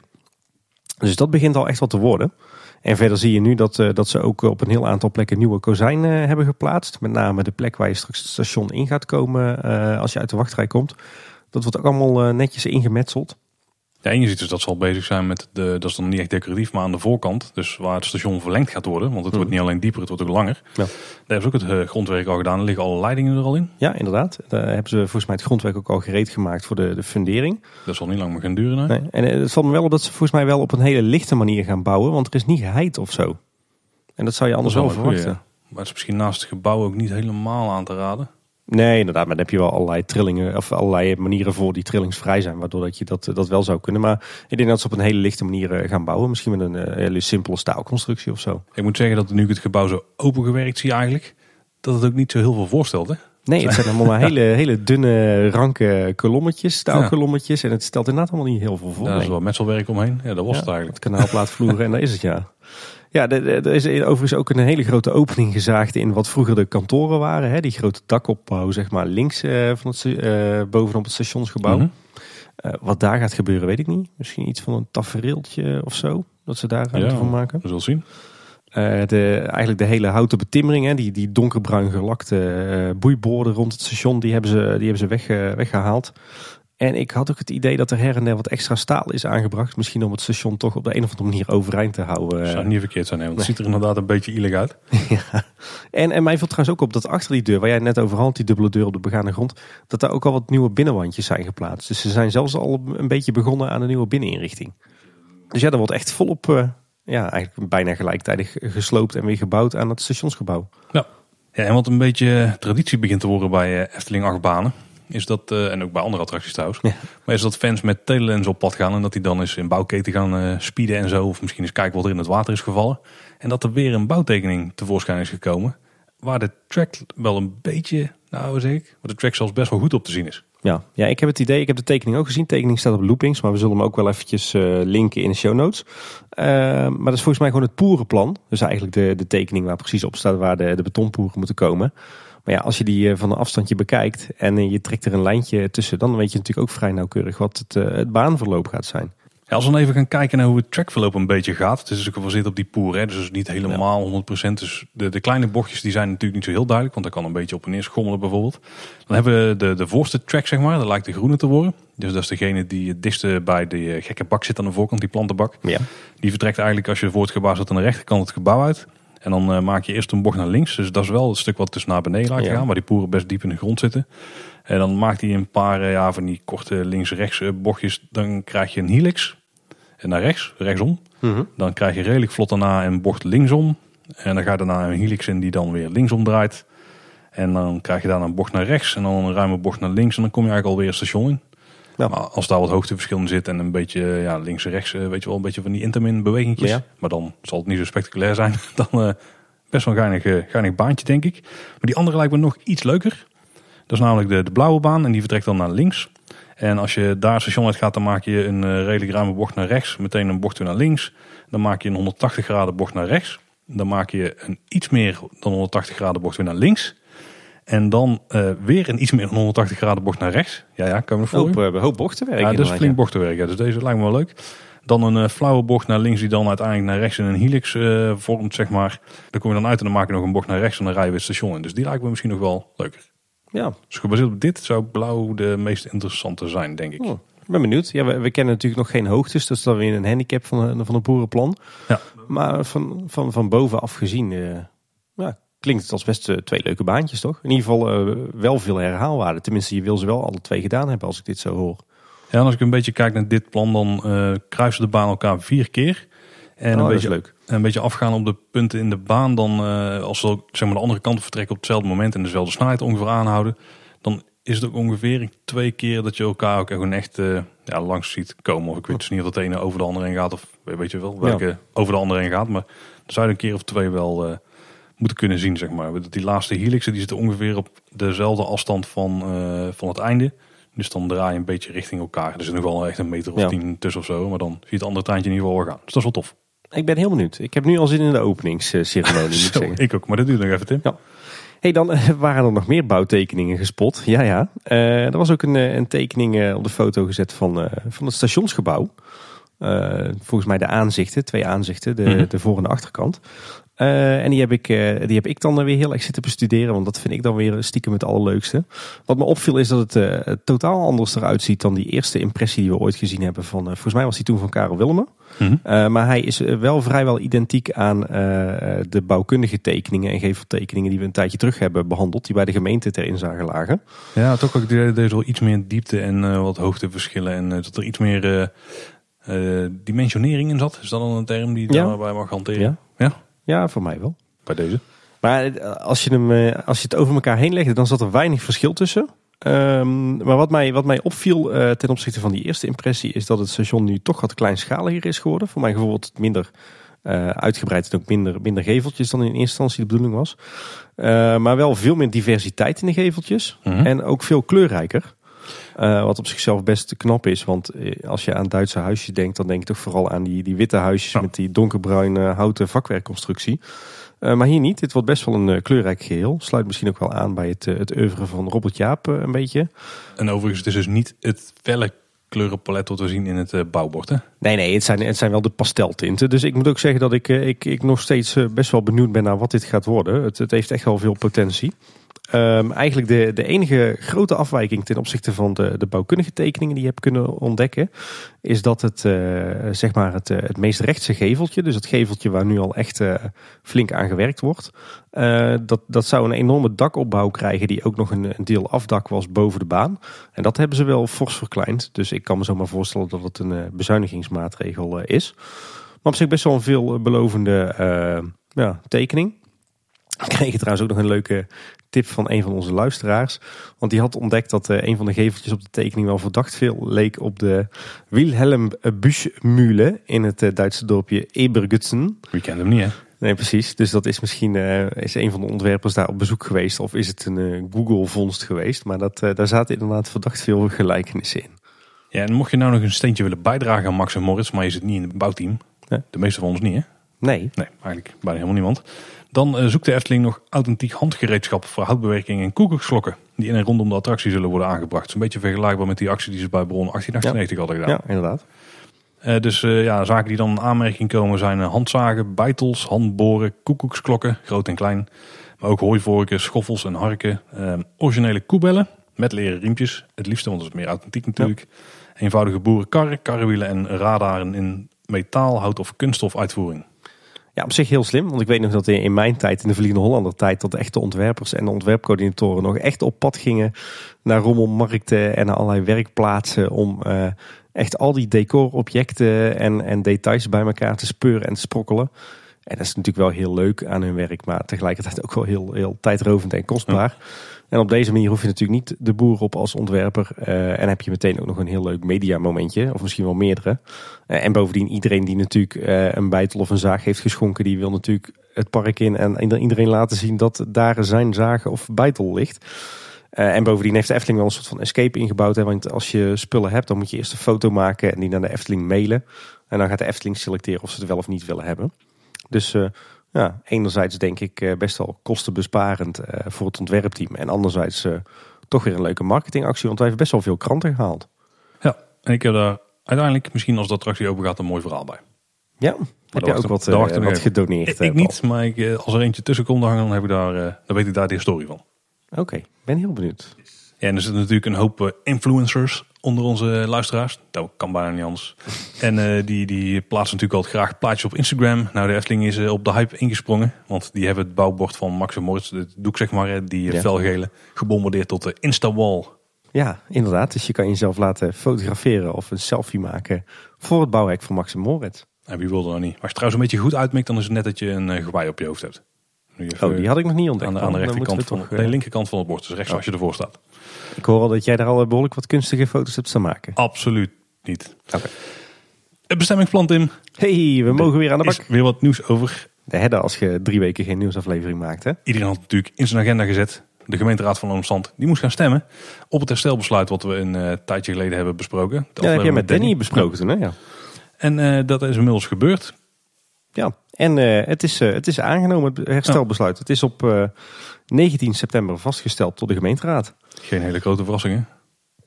Nee, wat me wel verraste is dat de gemeenteraad eigenlijk unaniem was. Dat zelfs Pro3, wat een beetje de, de samensmelting is van een heleboel linkse partijen hier in de gemeente.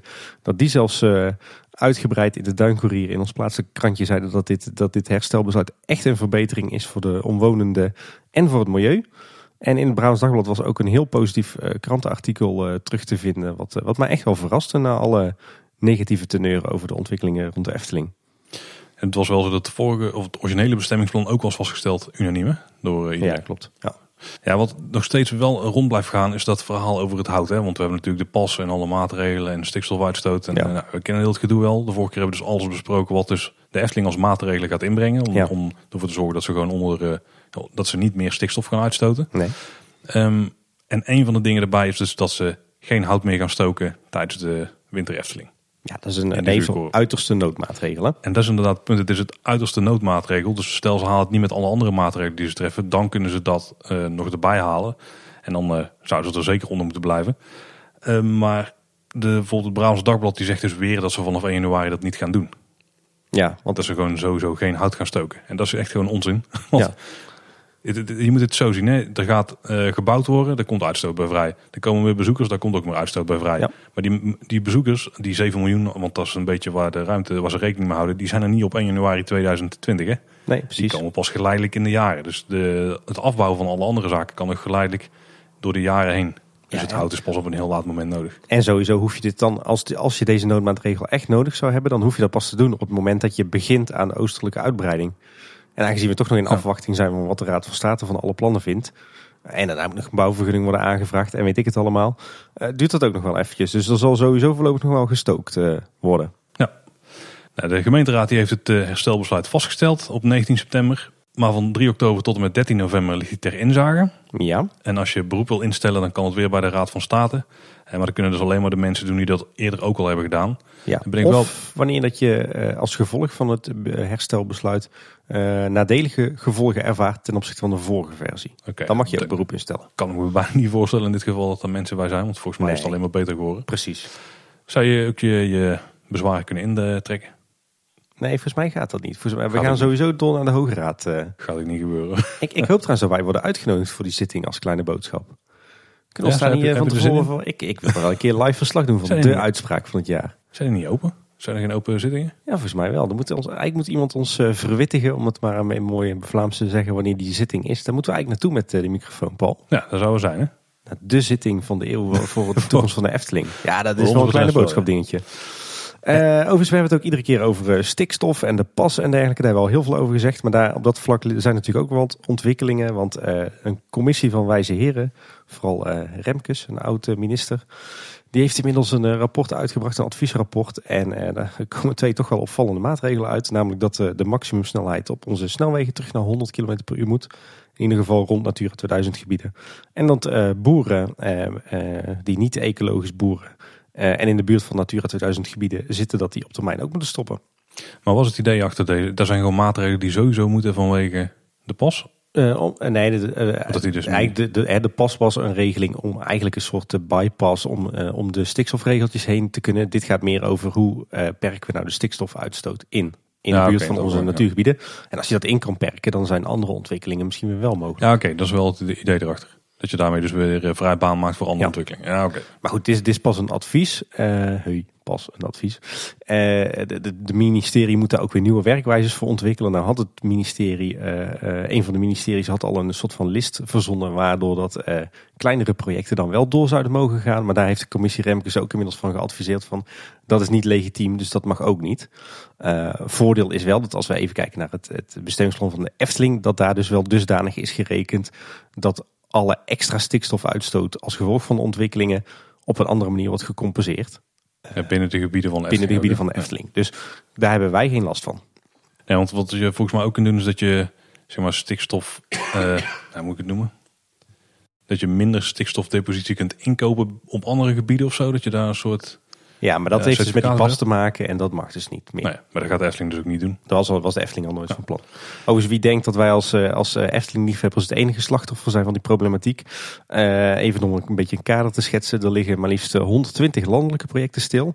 En zo'n 18.000 projecten van provincies, gemeentes, waterschappen en particulieren. 18.000, oké. Dus dan is de wereld van de Efteling is, eh, is ook maar een klein eh, onderdeel daarvan. Inderdaad, ja. En overigens ook in ons kaatsheuvels is dat, eh, is dat niet het enige plan wat een beetje eh, wat stil ligt als gevolg van de stikstofuitstoot. Eh of althans de, de, de, de problemen rond de stikstofuitstoot. Want ook de plannen voor de hotelzone langs de Horst, hè, die 1500 hotelkamers die daar in drie kasteelgebouwen zouden worden gerealiseerd, Mhm.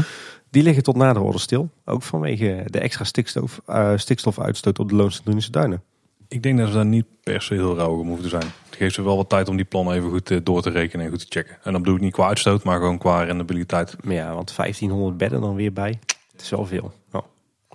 En, eh, en zelfs eh, nog wat andere ontwikkelingen in de buurt die hebben daar ook mee te maken. Maar daar komen we straks nog wel eventjes op. Hey, met de Zes Zwanen hebben we een mooi nieuw sprookje toegevoegd aan de Efteling. Een van de betere toevoegingen ooit. Absoluut. was een mooi moment. Maar binnenkort komt er nog een heel mooi moment aan in. Ja, de pandadroom gaat dicht. Ja, daar gaan we afscheid van nemen. Yes. Eh, er wordt trouwens ook serieus afscheid van genomen. Want er zijn er wat fans en die hebben een Facebook-eventje aangemaakt. ja. En die gaan eh, keihard In This Together meezingen bij Panadroom eh, ter, ja, ter afscheid. Hè? ja, op zondag dag. 3 november is dat hè, om 8 uur. Initiatief van eh, een Efteling liefhebber en Efteling medewerker, Rick Spring in het veld. En je kan je daarvoor aanmelden op Facebook. En enkele honderden fans hebben zich daar vooral aangemeld. Of in ieder geval geliked. Ik heb wel het vermoeden dat de Efteling zelf er verder niks aan gaat doen. Ik denk niet dat er een, een afscheidsmomentje komt zoals bij de Bob bijvoorbeeld. Iets minder Nee. geliefde attractie. Ik denk het ook niet. Ik weet, als dat in ieder geval niet gebeurt, dan is dat wel weer een teken dat de Efteling er zelf ook al een beetje klaar mee is met Pandadroom. Precies, ik verwacht wel een feestelijke opening, maar geen feestelijke sluiting. Ik denk het ook niet. Ehm, Overigens was er ook nieuws over eh, de heropening eh, van, of eigenlijk de opening van Fabula. Eh, want het, het, de ombouw van Pandadroom is een week verlengd. Ehm, Het eh, duurt namelijk van 4 november tot en met 6 december.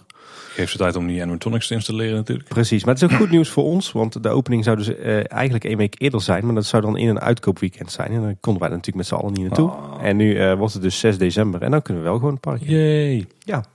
Ja, bij de ingang van Panodroom heb je twee van die rotsen staan die een soort dier moesten uitbeelden. Eentje is redelijk duidelijk, dat is een leeuw. ja, en de andere was een, een beer. Ja, dat idee had ik ook al van Baviaan of zo. Nee, ik, Of een leeuw. ik zet, zet mijn geld nog steeds op die beren. Ik, uh, ik houd op een Baviaan, dus eigenlijk weten we het gewoon niet. Het is nog een beetje onduidelijk. Nou, wie, eh, wie kan het ons vertellen?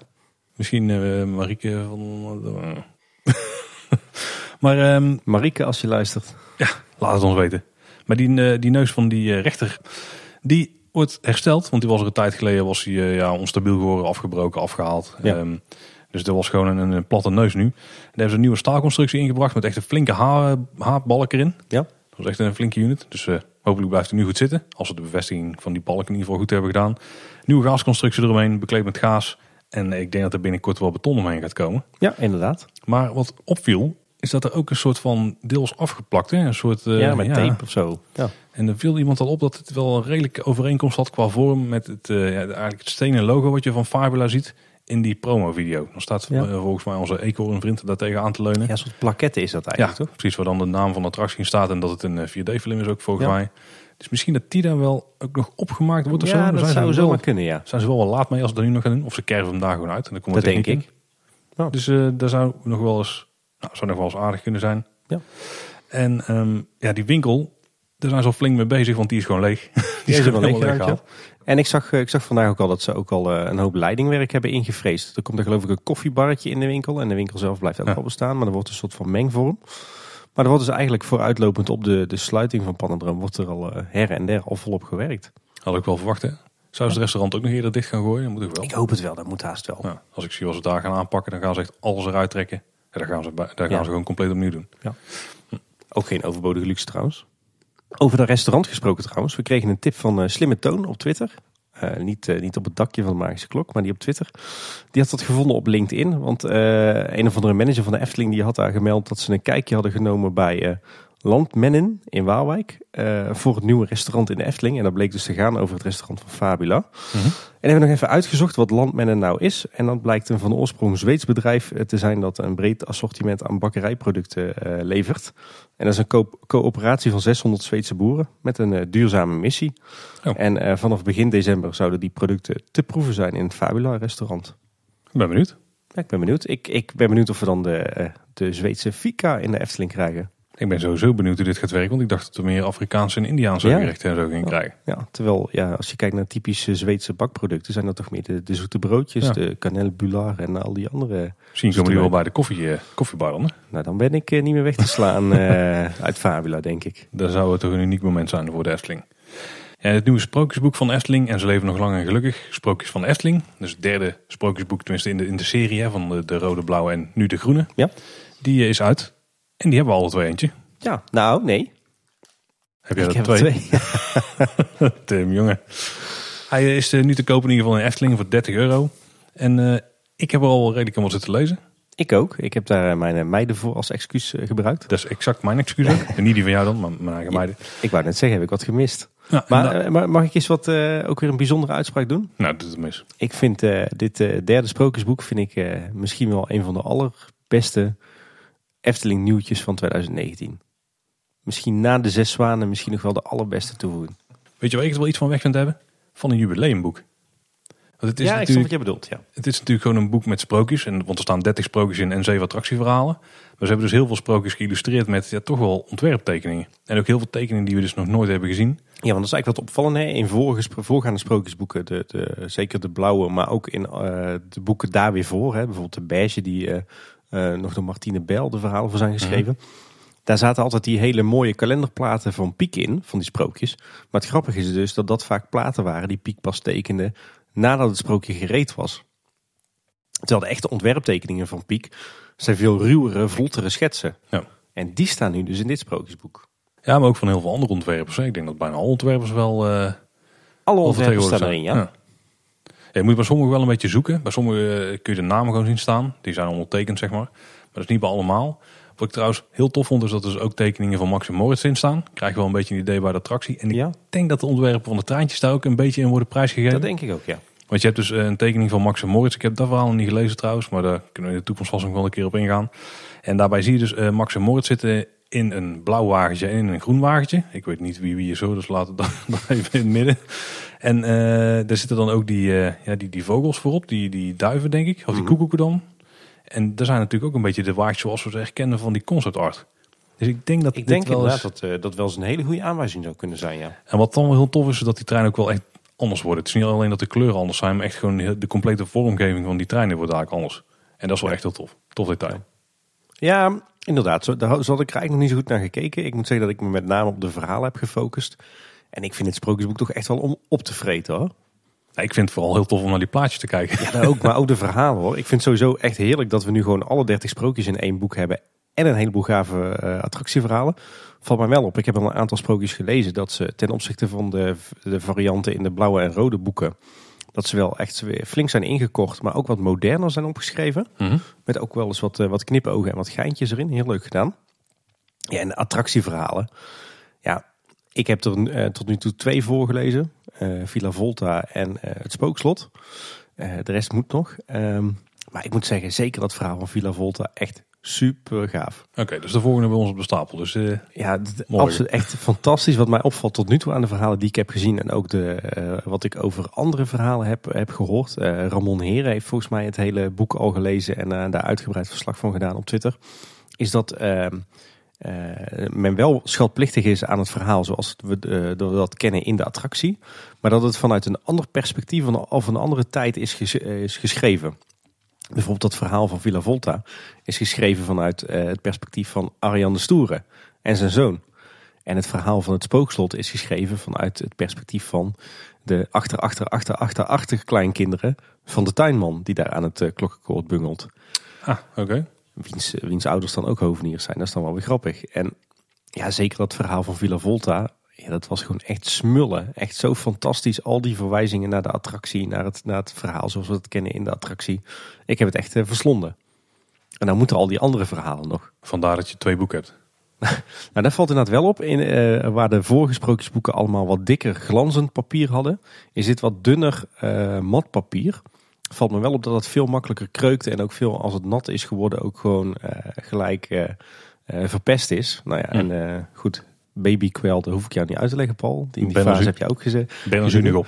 Precies, dus vandaar dat ik toch ook maar een tweede exemplaar gekocht heb. Dus dan ligt één exemplaar ligt in de verzameling en één exemplaar ligt hier om, gebruiksvoorwerp. eh, is gebruiksvoorwerp. ja. Maar nee, echt een topboek. Ja, ja zeker. Ja, ik zou hem alleen... Al, als je iets geeft om Efteling illustraties, alleen dan is het al de moeite om te kopen. Nou, gewoon iedere Efteling-fan moet dit boek gewoon kopen. Ja, ook al geef je dus niks om de sprookjes. Zeker. Weet je wie hem heeft geschreven?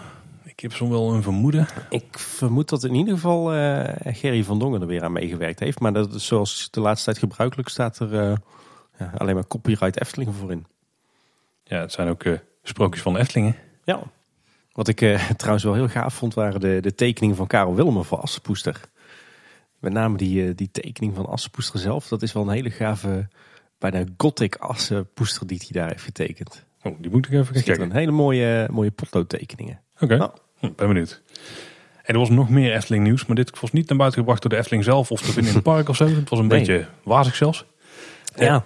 Ja, Koning Winter Ja, is een film. een bioscoopfilm. Ja, die dan eind 2020 uitkomt op 2 december. Ja, Volgens de website van Pathé. Ja, want daar is het door iemand, volgens mij door een Efteling-liefhebber, bij toeval op gespot. Hè? Ja, of die heeft misschien eh, een paar Google searches lopen continu op Efteling. Ik heb geen idee. Zou kunnen. Ja. Wat, ja, wat, wat weten we ervan? Niet heel veel, hè? Ja, eigenlijk helemaal niks. We hebben het even gecheckt bij de Efteling van hoe zit het nou. En eh, de Efteling zegt zelf, ja wij hebben geen producerende rol hierin. De Efteling speelt wel een rol in de film. eh, maar wij hebben er in principe verder niks mee te maken. Dus Nee. ik denk dat ze een beetje hun merk lenen voor de film. Of misschien de locaties. Of Ja, dat zou kunnen, ja. Niet heel duidelijk in ieder geval. Ik, ik zat te denken, wordt dit niet weer zo'n zo'n typisch Nederlandse romcom? Zou het wel jammer zijn. Ja, ik denk wel dat het die kant op gaat. Gezien de release datum en ook een beetje de naam van de film. Ja, als dat zo is, kan ik je bij deze al vertellen, dan gaan wij er geen review van doen. Jawel, dat is de Efteling in, dus dan moet het hè. Het zou ook niet de eerste keer zijn overigens dat de Efteling in zulke soort producties verschijnt. Maar Koning Winter doet me niet echt denken aan een eh, romantische comedie, Tim. Dat is ook weer zo. Nou, ik durf er wel een klein beetje om te leggen. Ja, die naam is wel interessant, hè? Want in 2007 heeft de Efteling namelijk die merknaam vastgelegd, Koning Winter.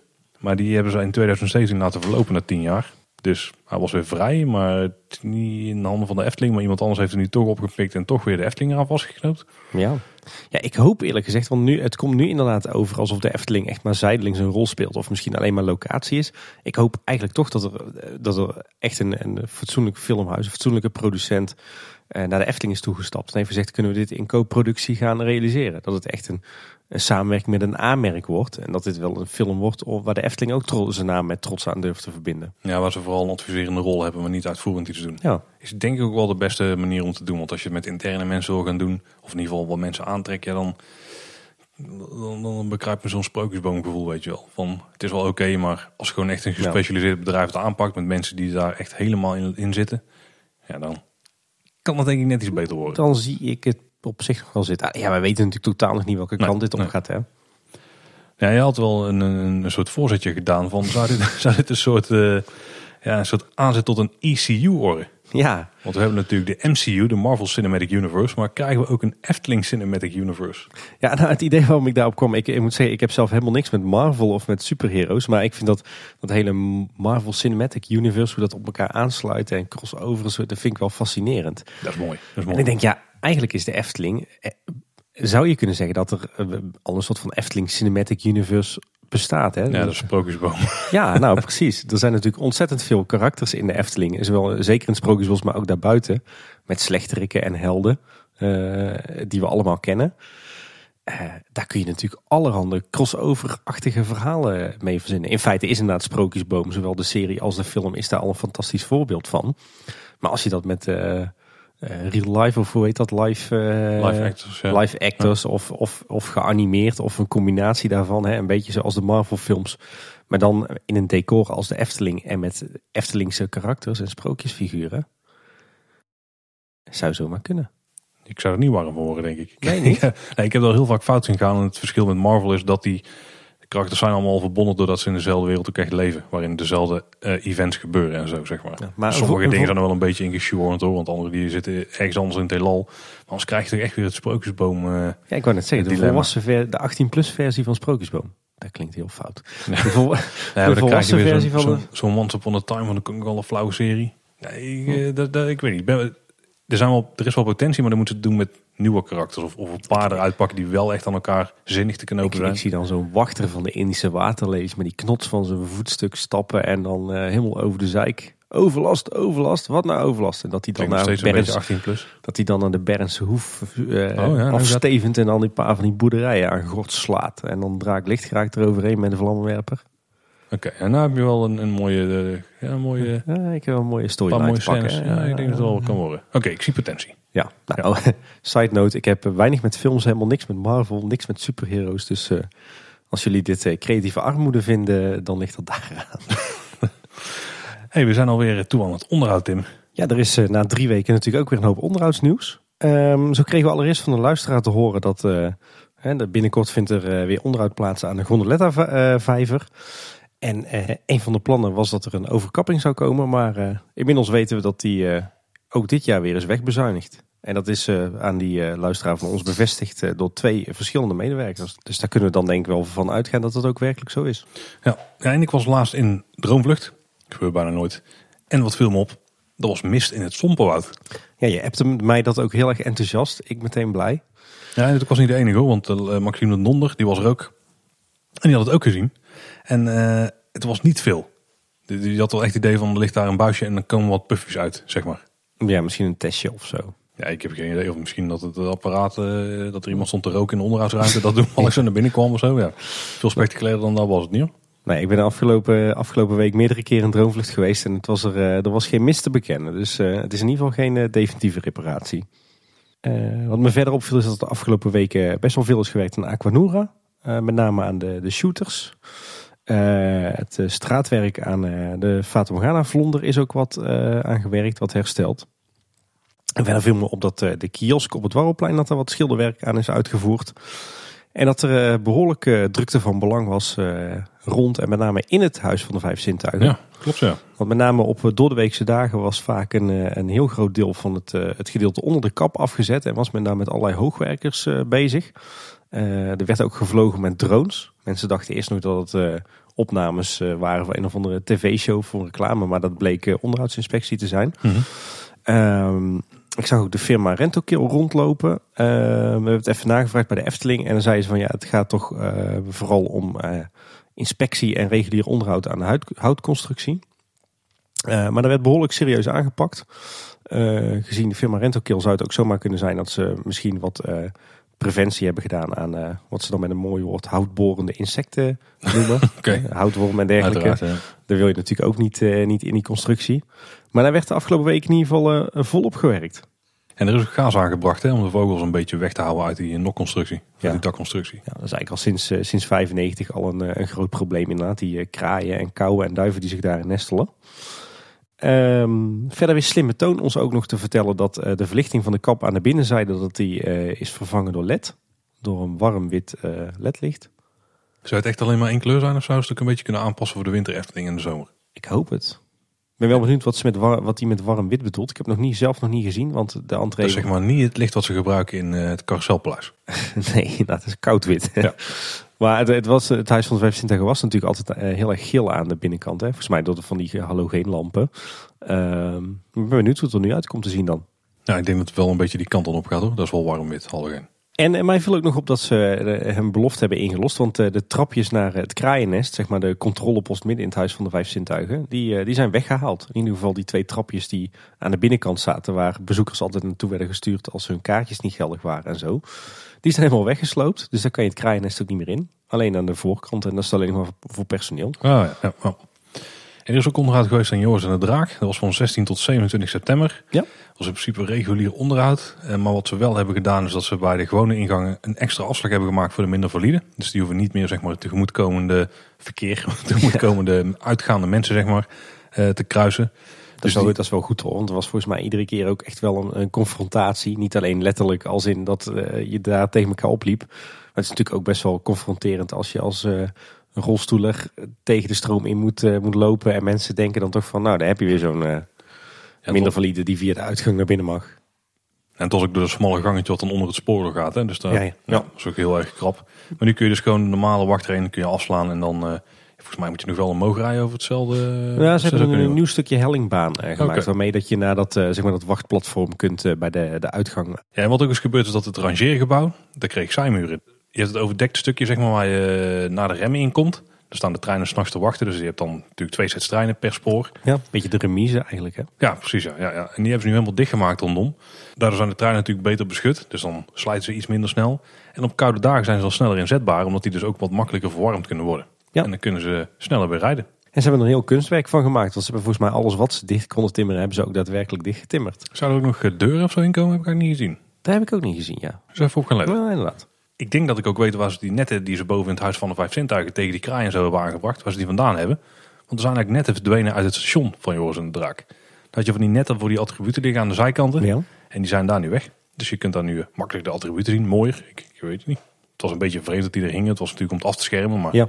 Ja, het zal wel niet nodig zijn geweest. Ja, je, je mag natuurlijk nu voortaan ook je bagage meenemen in de treinen. Dus misschien dat het dan ook minder risico op beschadiging is van decor. Ik ben benieuwd. Ik hoop dat het decor het eh, goed heel houdt, ondanks de, het verdwijnen van die netten. Ja, wat ze niet hebben gefixt nu, dat zijn de, de beschadigingen aan de bekleding van de treinen. En uh, Loopings heeft even navraag gedaan en de Efteling heeft aan dat ze dit uiteraard weten. Want je kan er ook niet echt omheen. En dat ze na de volgende onderhoudsbeurt gaan eh, fixen. Ja, na deze onderhoudsbeurt. Hè? Dus die komen nu aan de beurt. Oh, oké. Dus gaan ze gewoon waarschijnlijk uitrangeren en dan eh, met die nieuwe vijfde trein en dan aanpakken. Zoiets. Ja, dat. Of misschien dat ze het zelfs wel in bedrijf kunnen doen. Hè? Door, Oh ja, dat is je kan even die kussentjes wisselen of het, de nieuwe bekleding aanbrengen. Eh, en eh, Stefan, ook een luisteraar, die kwam nog met een laatste nieuwtje. En die eh, zag dat er een, langs de hele baan ook een nieuwe aanlijnvoorziening is aangebracht voor medewerkers voor de veiligheid. Ja, dan kunnen ze misschien ook makkelijker en sneller over, het, over de baan heen lopen, want die controleren natuurlijk regelmatig. Ja. Dan blijft de oude Tuffelbaan ja, toch ook nog wel voor kopzorgen zorgen. Zo hoorden wij van luisteraar Bas. dat in ieder geval op 30 september dat slechts 9 van de 18 tuffers in de baan stonden. Dus dan draai je op halve capaciteit. Het lijkt dat ze daar een beetje aan het experimenteren zijn of zo. Ja, zou kunnen. Zou het gewoon nog niet helemaal klaar zijn? Te- Nou, ik, denk dat, ik denk dat ze inderdaad gewoon nog steeds in een soort van eh, opleverfase zitten of zo. Een soort nazorgfase om eh, die capaciteit maar zo goed mogelijk op orde te krijgen. En die eerdere technische problemen misschien ook wel het hoofd te bieden. Hè? Dat ze dus na regenval een tijdje niet meer konden draaien. Ja, we hebben wel wat dingen van gehoord in de wandelgangen. De oude tuffers zouden bijvoorbeeld nog niet formeel zijn opgeleverd. Dus het is nog niet helemaal klaar. De, volgens mij is de Efteling nog niet helemaal tevreden. Ze zijn dus, dus nog steeds een beetje bezig en dat zien we eigenlijk ook wel. Hè? Want dit lijkt ook weer zo'n probeersel te zijn. En we hebben die eh, bumpers gezien die ze hebben, extra hebben aangebracht. En ze hebben dus wat camera's aangebracht om eh, het gedrag van die auto's te bekijken. Dus gewoon om in de gaten te houden van Ja. wat doen ze, wat gebeurt er allemaal. Eh, want die rijden niet altijd meteen door, dus dat is al niet zo handig. In de stations stoppen blijven ook sommige auto's onnodig. En eh, ze hebben inmiddels dus ook extra sensoren aangebracht op de wagens. Dus volgens mij om te voorkomen dat ze dus eh, botsen. Dus van infraroodsensors. En daardoor heb je dus die bumpers van die reflecteren dan de infrarood. Dus dat is nog een tijdelijke oplossing denk ik. Of in ieder geval om te kijken of dat dit werkt. En er zit ook een, een sensor aan de achterkant van de auto, een kleine sensor. En die is bij de meeste auto's zwart, dus dat valt die niet echt op. Maar bij sommigen ook een beetje de klassieke sensor groen. Ja, Als dat een, kleur is. maar je weet wat ik bedoel hè? ik weet wel wat. Ja. Ja, dus nog niet helemaal eh, klaar. Dus nog niet helemaal tevreden ook vanuit de Efteling. Dus vandaar nog niet opgeleverd. Dus ze zijn gewoon nog van alles er aan het doen om hem beter, eh, beter te krijgen. Ja, Ja. precies. Ik kreeg trouwens, ook- trouwens ook nog een mooi verhaal van een van onze luisteraars. Die wist te vertellen dat eh, de tuffers zoals die nu in de Efteling rondrijden, dat het eigenlijk een, een co-productie is van Liseberg en Volvo. Dus dat zijn eigenlijk Zweedse autootjes. Want wat blijkt, Liseberg had, eh, had voorheen ook een, eh, een soort oude tufferbaan eh, die met problemen kampte. En ze hebben toen zelf in eigen huis samen met Volvo, wat natuurlijk ook in Göteborg gevestigd zit, hebben zij een nieuw attractietype ontwikkeld. En dat is nu ondergebracht in de catalogus van Metaalbouw Emmelen. Hm. Dus het bedrijf wat nu dus in de Efteling ook de tuffertjes uh, Maude Zes Zwanen heeft geleverd. Ja. Maar is eigenlijk dus een Zweeds, Zweeds product. Oh, ja, helemaal blij Tim. Ik wel. Dan wordt er ook nog steeds eh, hard gewerkt aan het Carouselpaleis. Eh, het valt me op dat er op meer plekken in de, de voorgevel eh, wat schilderwerk wordt bijgewerkt. Maar dat is echt alleen maar plaatselijk, dus er gaan geen houten panelen van af. En het is ook niet zo dat eh, al het schilderwerk wat slecht is eh, echt wordt aangepakt. Maar het lijkt alsof ze een beetje, ja, zeg maar de, de quick wins, de, de delen van het schilderwerk die echt slecht zijn of die wat makkelijker bij te herstellen zijn, dat ze die nu bij eh, tippen. En hopelijk krijgen we natuurlijk over een, uh, een aantal jaar uh, weer grootschalig onderhoud. Uh, wat me ook opviel is dat zeg maar de metalen hekwerken in de stoomcarousel zelf, dus van de, de wachtrij, de poortjes en het beetje dat piekrode hekwerk, die zijn volledig verwijderd. Daar hebben ze nu tijdelijk in hout ja, zeg maar een soort afscheiding uitgetimmerd. Dus de vraag is even wat er met die metalen hekwerken gaat gebeuren. Die zullen wel terugkomen. Uh, misschien dat ze alleen een goede schilderbeurt krijgen bij de, de koter. Uh, of misschien worden ze wel aangepast. Want volgens mij waren dit nog wel hekwerken die opklimbaar waren. En dat mag officieel niet meer van het bouwbesluit. Oh, oh oké. Okay. Dus misschien krijgen we hier hele andere hekwerken terug. Dan hoop ik in ieder geval in dezelfde uitstraling. Uh, en het lijkt er inderdaad op dat de, de, de zijgevel, hè, althans het, het gedeelte van het carouselpaleis waar je die stukgevels hebt, die staat natuurlijk nu helemaal in de stijgers, dat ze daar inderdaad echt al het stukwerk aan het losbikken zijn. Of in ieder geval de, de stukken waar uh, het meeste stukwerk los zit. En dat ze daar dus echt het hele stukwerk opnieuw gaan opbouwen. Je theorie klopte. Ja, inderdaad. Uh, en wat me verder nog opviel in het carouselpaleis is dat er ineens een uh, enorm grote scheur in de vloer van diorama is ontstaan. Oeh, krijgen ze toch last van die gasboring al? Zijn niet begonnen. nou, ik heb wel zitten denken, wat zou nou kunnen zijn? Nou, is het, volgens mij is dat vloertje is nog ooit, ooit heeft daar de rolschaatsbaan gezeten. Het -hmm. zal allemaal niet heel sterk gefundeerd zijn. Maar wat natuurlijk kan is, het wordt een, de, de omgeving hier is natuurlijk heel erg aan het verdrogen door het neerslagtekort. En wat je dus hebt is dat, uh, dat doordat de grondwaterstand heel erg zakt, dat, uh, dat ook het, het zand uh, gaat inklinken. En het kan dus heel goed zijn dat inderdaad de vloer van diorama daardoor wat aan het zakken is en ja. scheurt. Dus daar is wel wat herstelwerk nodig. Dat wordt wel helemaal goed gemaakt deze dagen. Het neerslagtekort wel, ja. Dat is bijna weggeveegd, denk ik. Ja, verder nog wat kleine dingetjes. de, de wasbakjes in Lots Kraamhuis, die zijn weer stuk. Dus dat is ah. ook een een puntje van uh, aandacht wat dan weer werkt en dan weer niet. Al die kleine laafjes aan het uitdrogen zijn. Ja, weer die verdrogingen. Ja. En ik, de laatste keer zei ik al van, joh, het viel me op dat, valt me op dat als je droomvlucht uitloopt via de uitgang, dat je dan zo'n zo'n stukje muur hebt wat wel wit gesausd is, maar nooit is ingeschaduwd. Maar het blijkt dat eigenlijk in zo'n beetje de hele meandering van droomvlucht, niet, niet zozeer de, de gevels van het gebouw, Maar wel alle, alle andere losse stukjes, alle eh, van de buitenmeandering. Die zijn allemaal gesausd bij het vorige onder, onderhoud. Maar die zijn ze vergeten in te schaduwen. Hm. Dus die zijn gewoon eh, knalwit. Dus dat is volgens mij een eh, gevalletje vergeten. En hoe zit het met Draconicon? Want die heb ik nog steeds niet terug zien komen volgens mij. Ik ook niet. Ik las ergens dat het nogal tot ergens in november zou kunnen Oh, duren. ja? Eind november voordat hij terug was. Zo, oké. Ik heb trouwens wel laatst zo'n eh, zo'n tijdelijk showtje gezien. Ze doen er nou een soort. Eh, gepresenteerd door zeg maar de papa. En uitgevoerd door, eh, door de acteurs zeg maar, en de stuntmensen van... eh, of de ruiters moet ik eigenlijk zeggen van Puy de Fou. Ik moet zeggen dat ik daar wel echt heb staan te genieten. Je hoeft dus niet uh, grote theater in. ik moet zeggen dat ik eigenlijk dit showtje veel leuker vond dan de Ravelijn show. Makkelijk te volgen. Nou ja, het, is, het, is wel, het heeft wel echt spektakelwaarde. De acteurs hebben ook echt allemaal van die middeleeuwse kleding. En die papa die is echt wel, wel in zijn rol. Die is ook heel interactief. Het is echt, en, en het, het staat er vol met mensen. Dus eigenlijk het, het vervangende showtje is misschien nog wel leuker dan de hoofdshow, zeg maar. ik weet niet of dat echt een goede zaak is. Nee. En bij de vermolenmolens wat onderhoud geweest was mechanisch. Hè? Ja, was maar een klein, eh, klein onderhoudsklusje. Het heksenpad was dicht. Dat heb ik helemaal gemist. Ja, nog steeds. Oh, nog steeds? Ja. Wat zijn ze daar aan het doen?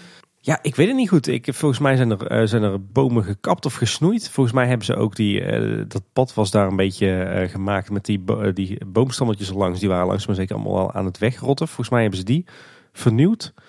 Ik zag wat kraantjes bezig met grondwerk. Ehm, ze hadden ook wat, wat gekapt hout op de takrillen gelegd. Die je ziet als je maar, over de spiegel aanloopt. Dus ja, volgens mij zijn ze gewoon bezig met eh, een soort van groot onderhoud aan het heksenpad. Tenminste, ik hoop dat als het straks weer open gaat, dat het, het nog bestaat. Maar ik denk het dat wel. het volledig wordt vernieuwd. Ze zijn natuurlijk bij de parkeerplaats ook bezig. Bij vak M zijn ze delen aan het verharden. Eh, wat is er allemaal gebeurd? Interessante dingen. Ja, wat ik heb gezien is dat ze daar nog steeds van gubbels volop aan het werk zijn met een hoop kranen en eh, tractoren. Ze zijn zeg maar die, ehm die gravelverhouding aan het verwijderen en de, de, de fund- fundering of de constructie aan het maken voor eh, de asfaltverharding die daar gaat komen. Ze zijn ook riolering aan het aanleggen. Eh, en ze hebben een hele grote sloot aangelegd. Een hele ondiepe sloot. Dus volgens mij gaan ze daar gewoon al het regenwater wat op het asfalt eh, eh, valt in laten infiltreren.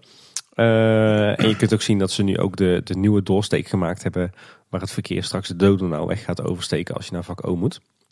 Wat me wel opviel is dat eh, als het druk is en ze zetten vak KNL in, dat ze dan van die, eh, van die drips noemen ze dat, digitale routeinformatiepanelen, van die digitale borden zeg maar, die, Ja, die die lichtkranten zeg maar. ziet. Ja. Eh, dat, dat ze die dan inzetten om mensen te begeleiden. Dus dat doen ze wel heel professioneel. Niet echt Eftelings, maar het werkt wel. Hè? Voor een parkeerplaats vind ik het, vind ik het goed. Eh, en de, de laatste tijd waren er ook wat, eh, werd er ook wat gemocht over de staat van de Fata Morgana na het, laatste grote onderhoud. Wij zijn daar eh, pas geleden ook nog even in geweest. En wat mij opviel is dat eigenlijk alles weer goed werkt. Dus alle defecten waar mensen het over hebben, die zijn allemaal verholpen.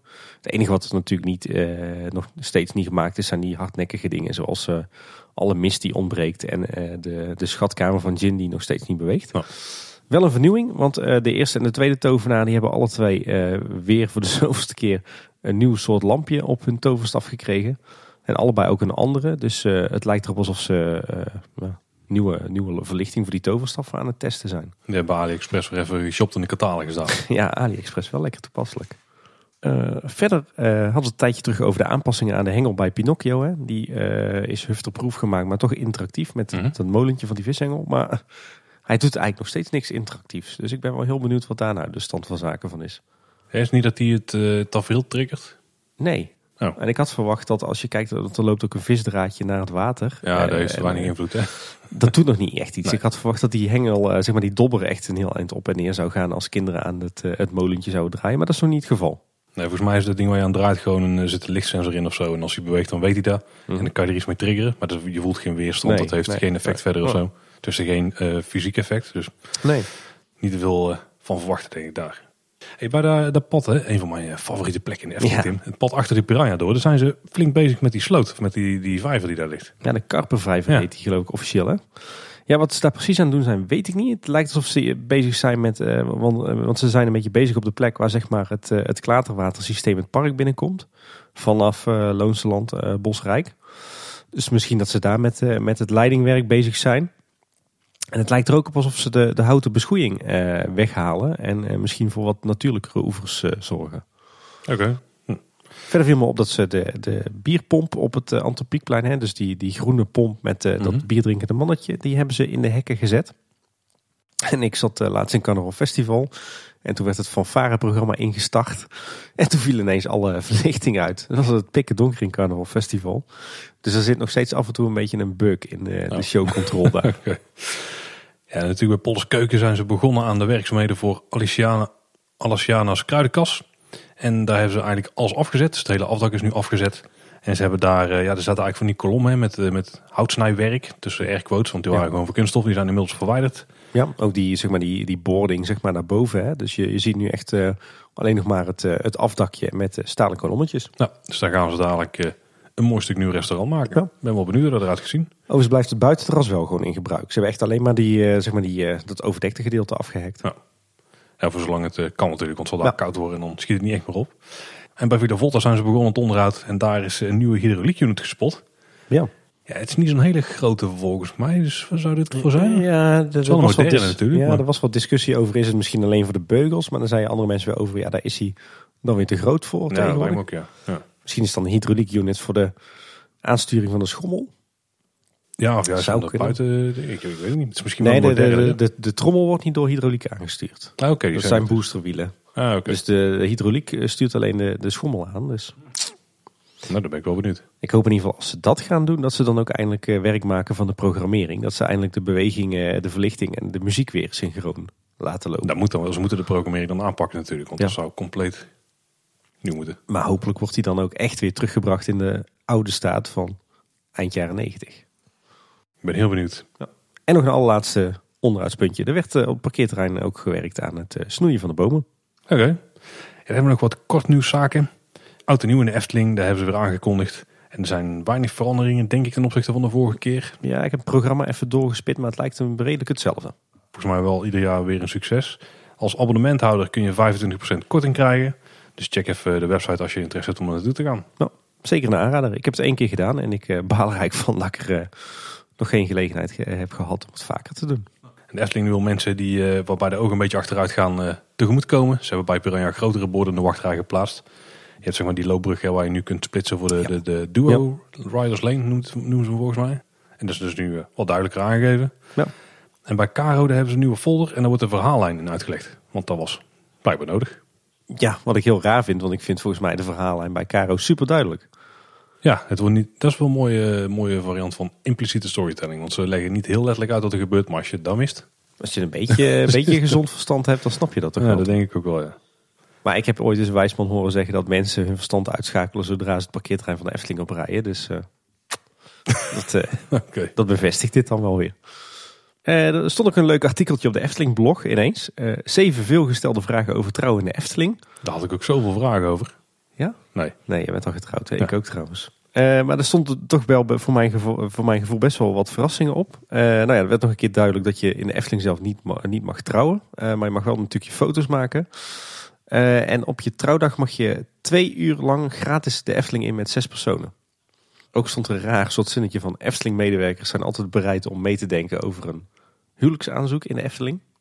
Ik kan uit ervaring vertellen, dat is niet per se nodig dat die hier meedenken. Eh, gratis foto's maken mag alleen op de trouwdag zelf, maar niet in het weekend. Dus als je het weekend trouwt, dan, Dan heb je pech. dikke vette pech, ja. En ze voegde er ook nog aan toe dat je in de verblijfsaccommodaties van de Efteling altijd gratis foto's mag maken met een onbeperkt aantal mensen. Ik weet dat die eh, houten bruggen bij Bosrijk, zo langs de vijver, dat die heel populair zijn.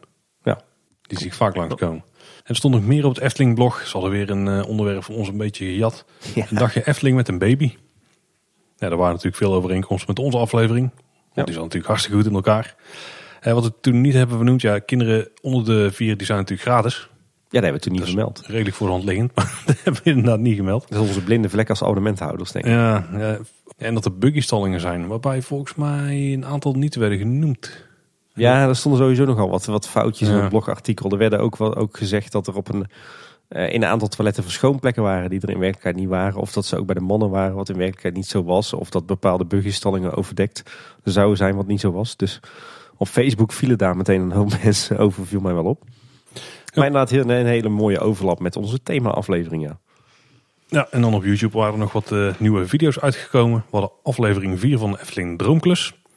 Heb niet gezien? Ja, ik wel. Die zat op zich wel aardig in elkaar. Eh, er was een Senne, eh, die wilde iets met water gaan doen of zo. Eh, en die met, de medewerker van de Efteling die daar blijkbaar over gaat, ging hij de waterkwaliteit van wat vijvers testen. En een leuk feitje daar was nog dat 13% van de Efteling uit water bestaat. En Ruben die liep mee met de Milieudienst.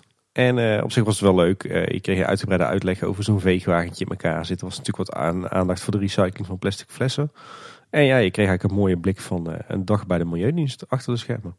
En dan was er in één keer een spontane magische klokaflevering ja. over de Bob. Ja. Die had ik eigenlijk iets eerder wel verwacht. Ja, precies. Maar hij was wel super vet weer. Hè? Ja, hij was wel mooi. Heel veel oude beelden, van, uh, ook bewegende beelden van de oude Bobs. En uh, volgens mij zelfs van de opening of zo. Of ja, ik zag wel waar ja en van het, dat tijdelijke restaurant wat daar toen oh, was. Ja, en van de, de indenkhouden kobold. Ja, ja, echt super gaaf weer. Ja, heel kort, dat wel. Ja. Het was geen aflevering van ons. Daar hadden wij uh, precies nee. het intro in kunnen doen, denk ik. Maar wel heel tof. Ja, dus kijk die zeker. En, en er was ook nog, uh, volgens mij waren er ook nog meerdere nieuwe filmpjes van Jokie Jet. Oké, daar geloof ik achter elkaar. Okay. en dan nog wat uh, merchandise nieuws. We hebben uiteraard natuurlijk het schitterende sprookjesboek wat je nou kunt kopen voor 30 euro. En ze leven nog lang en gelukkig. Ja.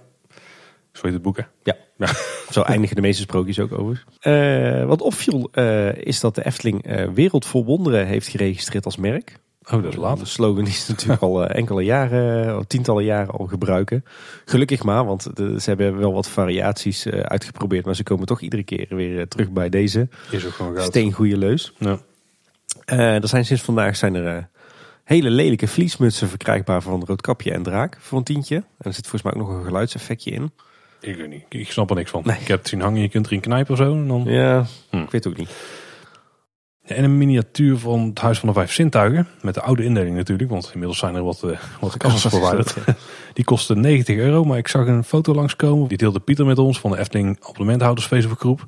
En die zat vol met klodderslijm. Die had een lid daar gekocht en die uh, haalde hem uit de doos en die was niet echt blij. Zeg maar, hm. bepaalde delen die waren bevestigd. Bijvoorbeeld volgens mij de paal voor het kraaiennest. Die, daar zat echt een dikke ruim, lijm, een dikke lijmrand langs. En ja, wat van die kassages waren nogal primitief aan elkaar geplakt, zeg maar. Ja, ik heb de foto ook gezien. Het verbaasde mij. Want we hebben natuurlijk een paar jaar geleden een schitterend miniatuur gehad van het Huis van de Vijf Zintuigen. Maar het lijkt erop dat dit uh, gemaakt is die partij die ook voor de Avri al die uh, kerstdorpachtige uh, huisjes maakt. Het was inderdaad een beetje tragische kwaliteit. Op zich niet erg, maar voor 90 euro verwacht toch wel iets meer. Ja. Uh, dat was trouwens ook heel goed, uh, merchandise nieuws, als we het daaronder mogen scharen. Want de Efteling gaat voortaan het, uh, het clandestien foto's maken van je actiefoto met je mobieltje gedogen. Ja, prima nieuws denk ik hè? Ja, ja, er was wat ophef over, maar ik snap het wel. Het is natuurlijk, het was verboden. Mensen doen dat natuurlijk wel gewoon. Ja, dan moet je als medewerker jezelf daar heel druk om gaan maken, terwijl je hebt geen poten om te staan. En ik denk ook altijd, weet je, als mensen toch echt zo'n zo foto willen, dan kopen ze hem toch wel. En eigenlijk is de, volgens mij de hele marketingwaarde van wanneer jij zo'n uh, foto op je Instagram of je Twitter of je Facebook plaatst, volgens mij groter dan het verlies van omzet. Uh, uh, wanneer je dat verbiedt, in de hoop dat mensen dan die foto toch maar gaan kopen. Dus volgens mij, onderaan de streep geldt het in ieder geval een hoop frustratie en negativiteit. en geroep en gevloek en getieren en gescheld bij de maxifotobodies. En ik denk dat het voor de Efteling alleen maar gunstig is dat mensen misschien nu makkelijker plaatjes van hun uh, maxi-foto's of actiefoto's op hun uh, social media gaan zetten. Dus ik denk een heel wijze besluit. Ja. De afgelopen drie weken waren er ook weer een berg vacatures uh, bij de Efteling. ze zochten dus nog een werkvoorbereider groen en een teamlead operatie evenementen. maar ook bijvoorbeeld een coördinator salarisadministratie en een finance- en controlspecialist. Ehm, ook nog een hoop techneuten, een senior monteur elektrotechniek en een teamlead IT en digital support. Zo, oké. Iets voor jou, eh, Paul? Ja, niet echt, nee. Maar wat me deze week vooral opviel is dat uh, er blijkbaar nog wel wat gebeurd is in de hoek van de veiligheid. Uh, want ze zochten een coördinator bedrijfshulpverlening en brandpreventie. Een uh, teamlead beveiliging, een werkvoorbereiding, beveiliging en hulpverlening en een medewerker bedrijfsbeveiliging. Zo, ja. Dus in alle lagen van die organisatie nieuwe ontwikkelingen. Want die, die functie van werkvoorbereider, beveiliging en hulpverlening die was nieuw in de organisatie. Dus volgens mij zijn ze daar wat aan het reorganiseren. Dus ik zijn ook die vacatures wel weer leuk om te, door te spitten als je een blik achter schermen wil kijken uh, van hoe de Efteling het qua beveiliging en hulpverlening heeft uh, geregeld. Dus uh, we zullen een linkje in de show notes zetten. Maar mocht je in die, in die wereld werken en je hebt altijd al in de Efteling willen werken, grijp je kans. En een kleine waterorgel-update, wie had het nog verwacht. Eftelnerd die liep met zijn fotocamera door de Efteling en die kreeg een klein blikje in de, de foyer. Want de deur stond een beetje open. Ja, Ja, het zag er vooral heel verwaarloosd uit. dat is een beetje de griebesbende, hè? Ja, misschien Eh.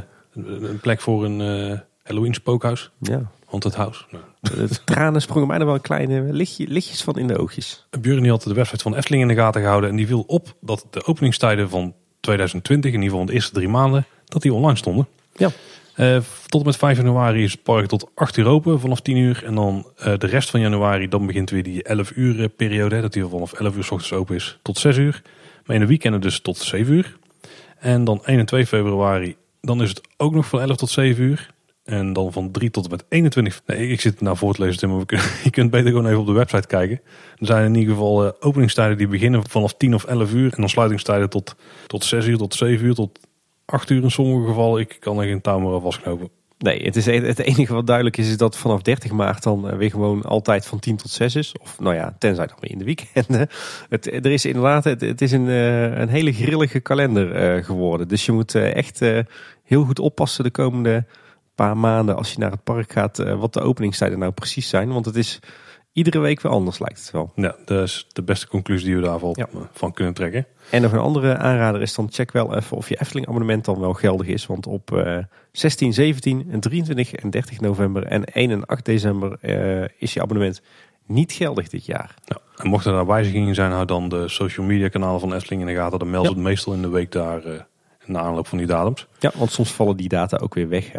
Nou, er stond ook een best wel leuk artikel op klimaatakkoord.nl over dat de Efteling klimaatneutraal wil zijn in 2030.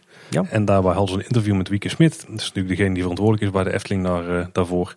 En die noemde Hollebolle Gijs, was licht afgezakt natuurlijk, maar de oudste duurzaamheidsattractie van het land. Ja, dat geloof ik wel. Ja, is er wel paar. Ja. Hoe afgezakt ook. Ja. Alhoewel, Hollebolle Gijs is nu natuurlijk verre van duurzaam, want die verzamelt alles eh, als één groot restafval. Ja, is waar. Als het nou alleen papier was, was het natuurlijk recyclen.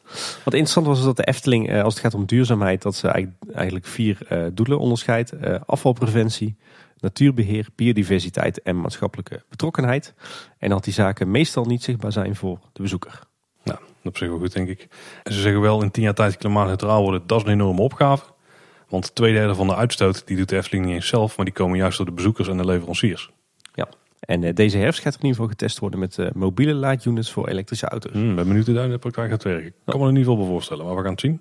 En als je nou geïnteresseerd bent in Efteling en duurzaamheid, dan eh, zou ik zeggen, abonneer je vooral op onze podcast. Want Goed teaser, teaser. er zit wat aan te komen.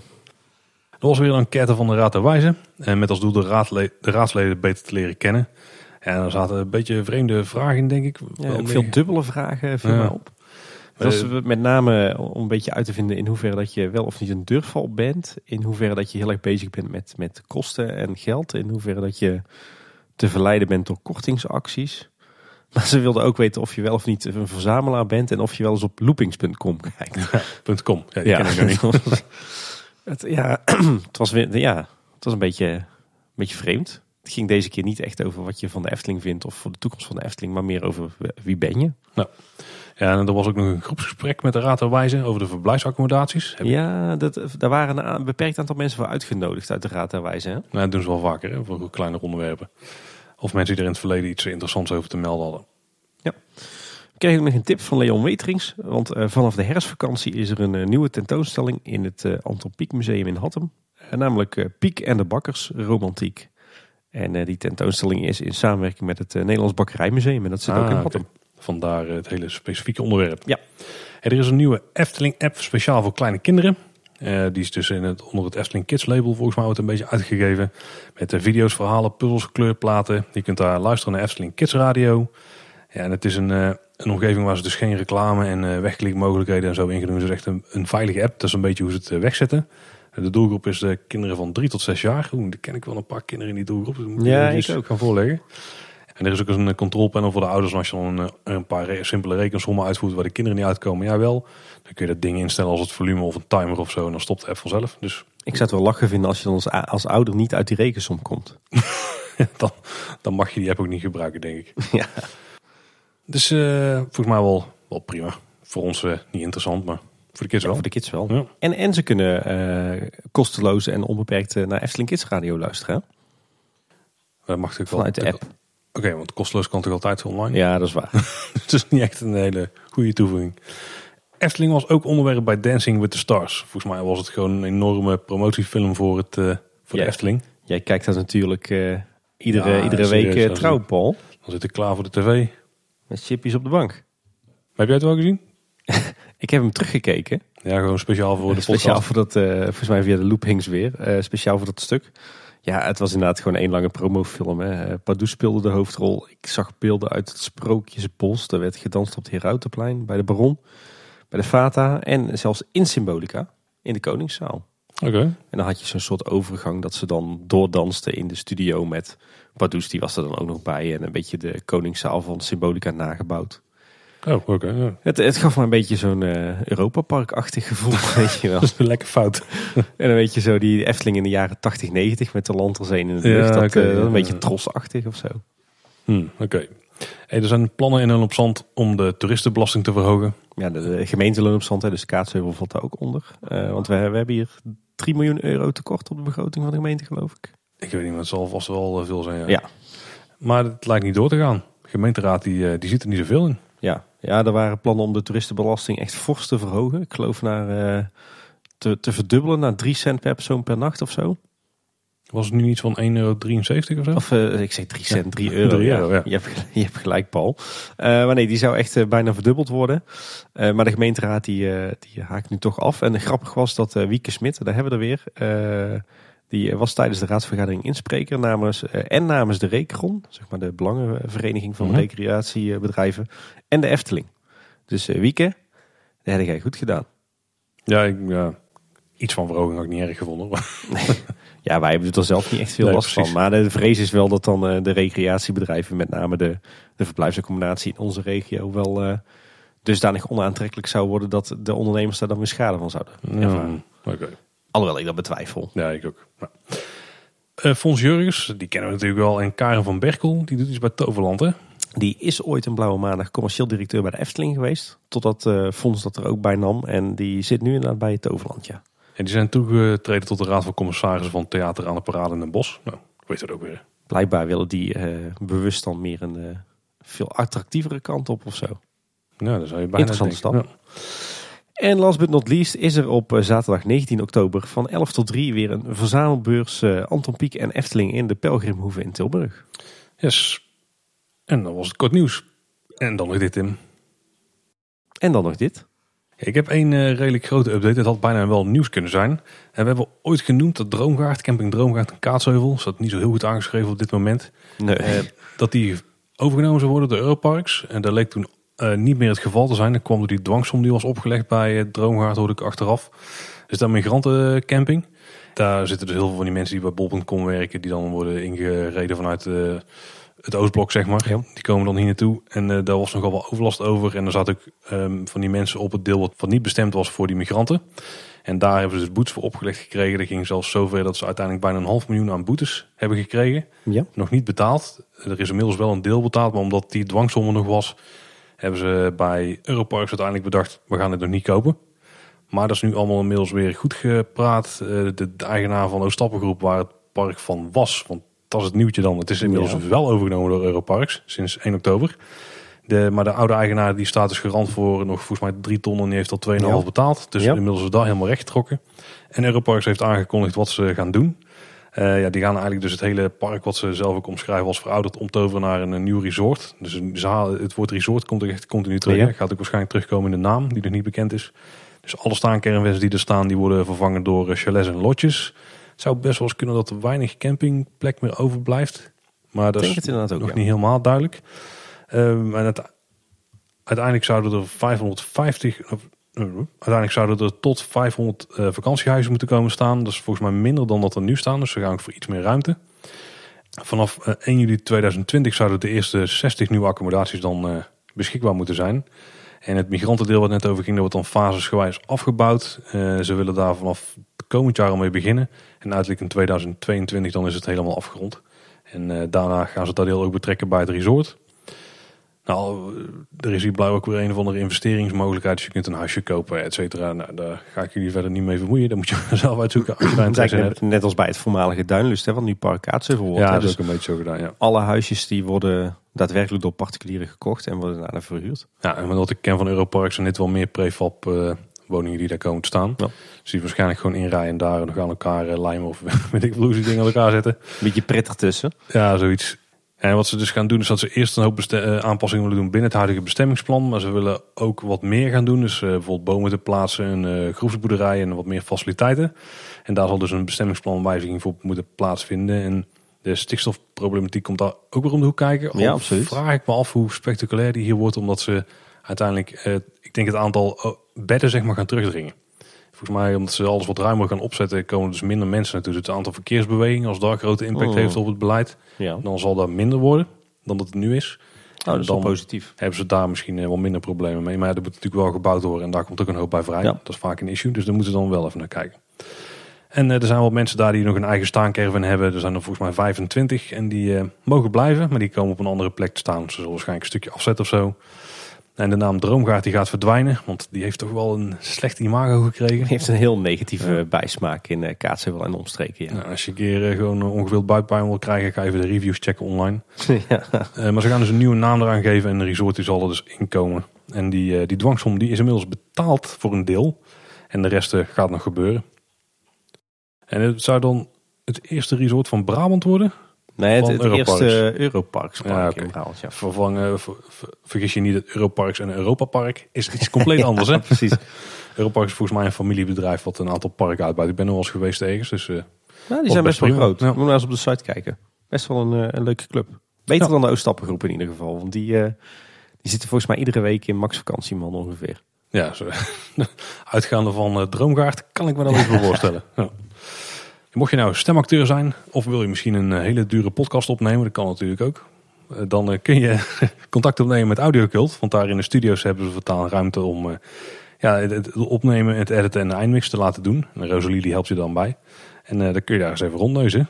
Ja, en RNE is volgens mij laatst ook weer een label gestart, toch? Ja, dat moet ik een beetje checken. Maar die is wat, wat dingen, wat uitingen die hij buiten de Efteling doet, die wilde hij volgens mij bundelen. En wat dingen die andere mensen doen. En die brengt hij dan uit onder een eigen label. Flexatune. Ja. Ja. Viel me overigens ook op dat hij op Twitter veranderd is. Hij, hij is eh, van Hendel heet het volgens mij. Want hij was altijd te vinden als audiocult. En nu is hij er voortaan te vinden als René Merkelbach. Ja, of had hij niet alle zijn twee? account, Volgens mij is hij eh, beide accounts. Hm. De ene misschien wel actiever geworden dan de, dan de andere.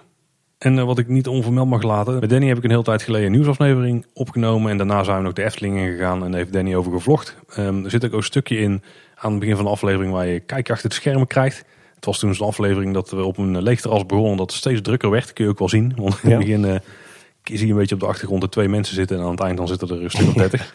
En onze schitterende plopkappen die komen weer in beeld. Ja, hè? zeker. Die zit ook in beeld, ja. En eh, daarna gaan we door de Efteling heen. En dan gaan we allemaal dingen doen die we normaal gesproken niet doen. Of eigenlijk die een van ons twee niet zo vaak doet. Want Ik schrok er toch wel van op, Paul. Dat, dat jullie amper of nooit in het spookslot komen. Nog Ja. nooit in de zweefmolen waren geweest. de kleine oh, en de waren zweefmolen. geleden, ja. Echt schandalig. Ja, maar ik had Danny wel van nooit in de antropiekmolen. Ja, dat is wel heel erg schandalig. Fans. En in de vlindermolen nooit. Maar het was wel een leuke vlog. Ik vond met name het eh, Game Gallery avontuur wel eh, vermakelijk. Dat was wel... eh, dat was leuk, ja. We knallen de, de, de link naar de YouTube in de show notes, toch? Uiteraard, uiteraard. En eh, Kleine Boodschap kwam ook nog terug in een artikel op eh parkstories.nl. Daar hadden we volgens mij al eerder naar gehint. Eh, die hebben een, ja, een pretpark podcast artikel online gezet. Dus daar kun je wat achter de scherm informatie krijgen. Niet alleen over ons, maar ook over heel, heel veel andere podcasts. Zoals Team Talk en Zoo Insight. Ja, Dus, eh, check ook zeker. Details. Ja. Het eh, zit er allemaal in. Ja. Tof artikel. Dat is volgens mij van Nicky Steenkist, toch? De website. Ja, en ook onze storyteller. Philip Corsius. Leuk nieuw initiatief, ja. Zeker. En jij Tim? Eh, ik heb ook nog wat, wat kleine uitsmijters. Zo kregen we van Mark, luisteraar van ons, kregen we nog een stukje follow-up op onze tweede aflevering van de buitenwereld.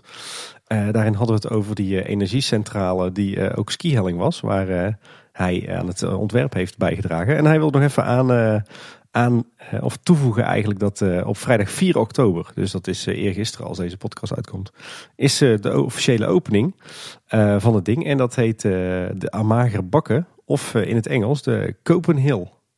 En hij heeft er eventjes een, eh, een linkje naar ons toegestuurd naar de website en naar een eh, YouTube filmpje erover. Dus eh, die zullen we ook in de show notes gooien. En daar heeft Mark heel erg aan meegewerkt. Verder viel mij, mij de laatste tijd op, maar dan moeten andere luisteraars maar bevestigen of ontkrachten. Dat de rechtersalon van het Carouselpaleis bijna altijd dicht is. Hoe druk het ook is, ze laten die voortaan altijd afgesloten. En ik snap niet waarom. Ik weet wel eens dat wij, eh, ik heb er natuurlijk ook een tijdje gewerkt, dat wij die wel eens dicht lieten als het echt extreem rustig was. Want dan hoefde die daar in ieder geval niet na sluitingstijd nog een uur te vegen en te wijlen. Maar het lijkt alsof dat ding tegenwoordig nooit meer open is. Dat is ook mijn ervaring inderdaad. Ja. En dat vind ik echt wel eh, absoluut geen 9 plus ervaring. Want als het maar een beetje druk is, dan heb je eigenlijk de capaciteit wel nodig. Misschien zit er me dat ook, ook een beetje in dat eh, in mijn tijd was, was horeca en, en attractie was zeg maar viel samen. Eh, en nu zijn dat twee aparte afdelingen. En misschien dat daar eh, iedereen zoiets heeft van, eh, ja, horeca verdient niks aan die, aan die grote salon. En de, van de attractie is het ook niet. Dus hou maar dicht, dan hebben we er in ieder geval geen werk aan. Ik vind het in ieder geval wel negatief. Hm. Wat wel leuk was, is dat we nog een kijktip kregen van Frederik. De Wildesvaner. Oftewel Deens voor The Wild Swans. Oftewel de zes zwanen. Een mooie kijktip. Ehm, volgens mij ja, een Deense verfilming van het sprookje. Zag er eh, schitterend uit. Dus eh, we zullen een linkje even in de show notes plaatsen. En nog even wat bouwupdates uit het Kaatsheuvelsen. Want eh, mensen is misschien wel opgevallen dat er zeg maar tussen de Europalaan en Vakka in werd gegraven. Eh, daar is een grote retentievijver gemaakt waarin het riool, of wat eigenlijk het, het regenwater van de hele wijk Heijakker van de Kaatsheuvel in wordt ingeloosd gaat worden, zodat het in de bodem kan zakken.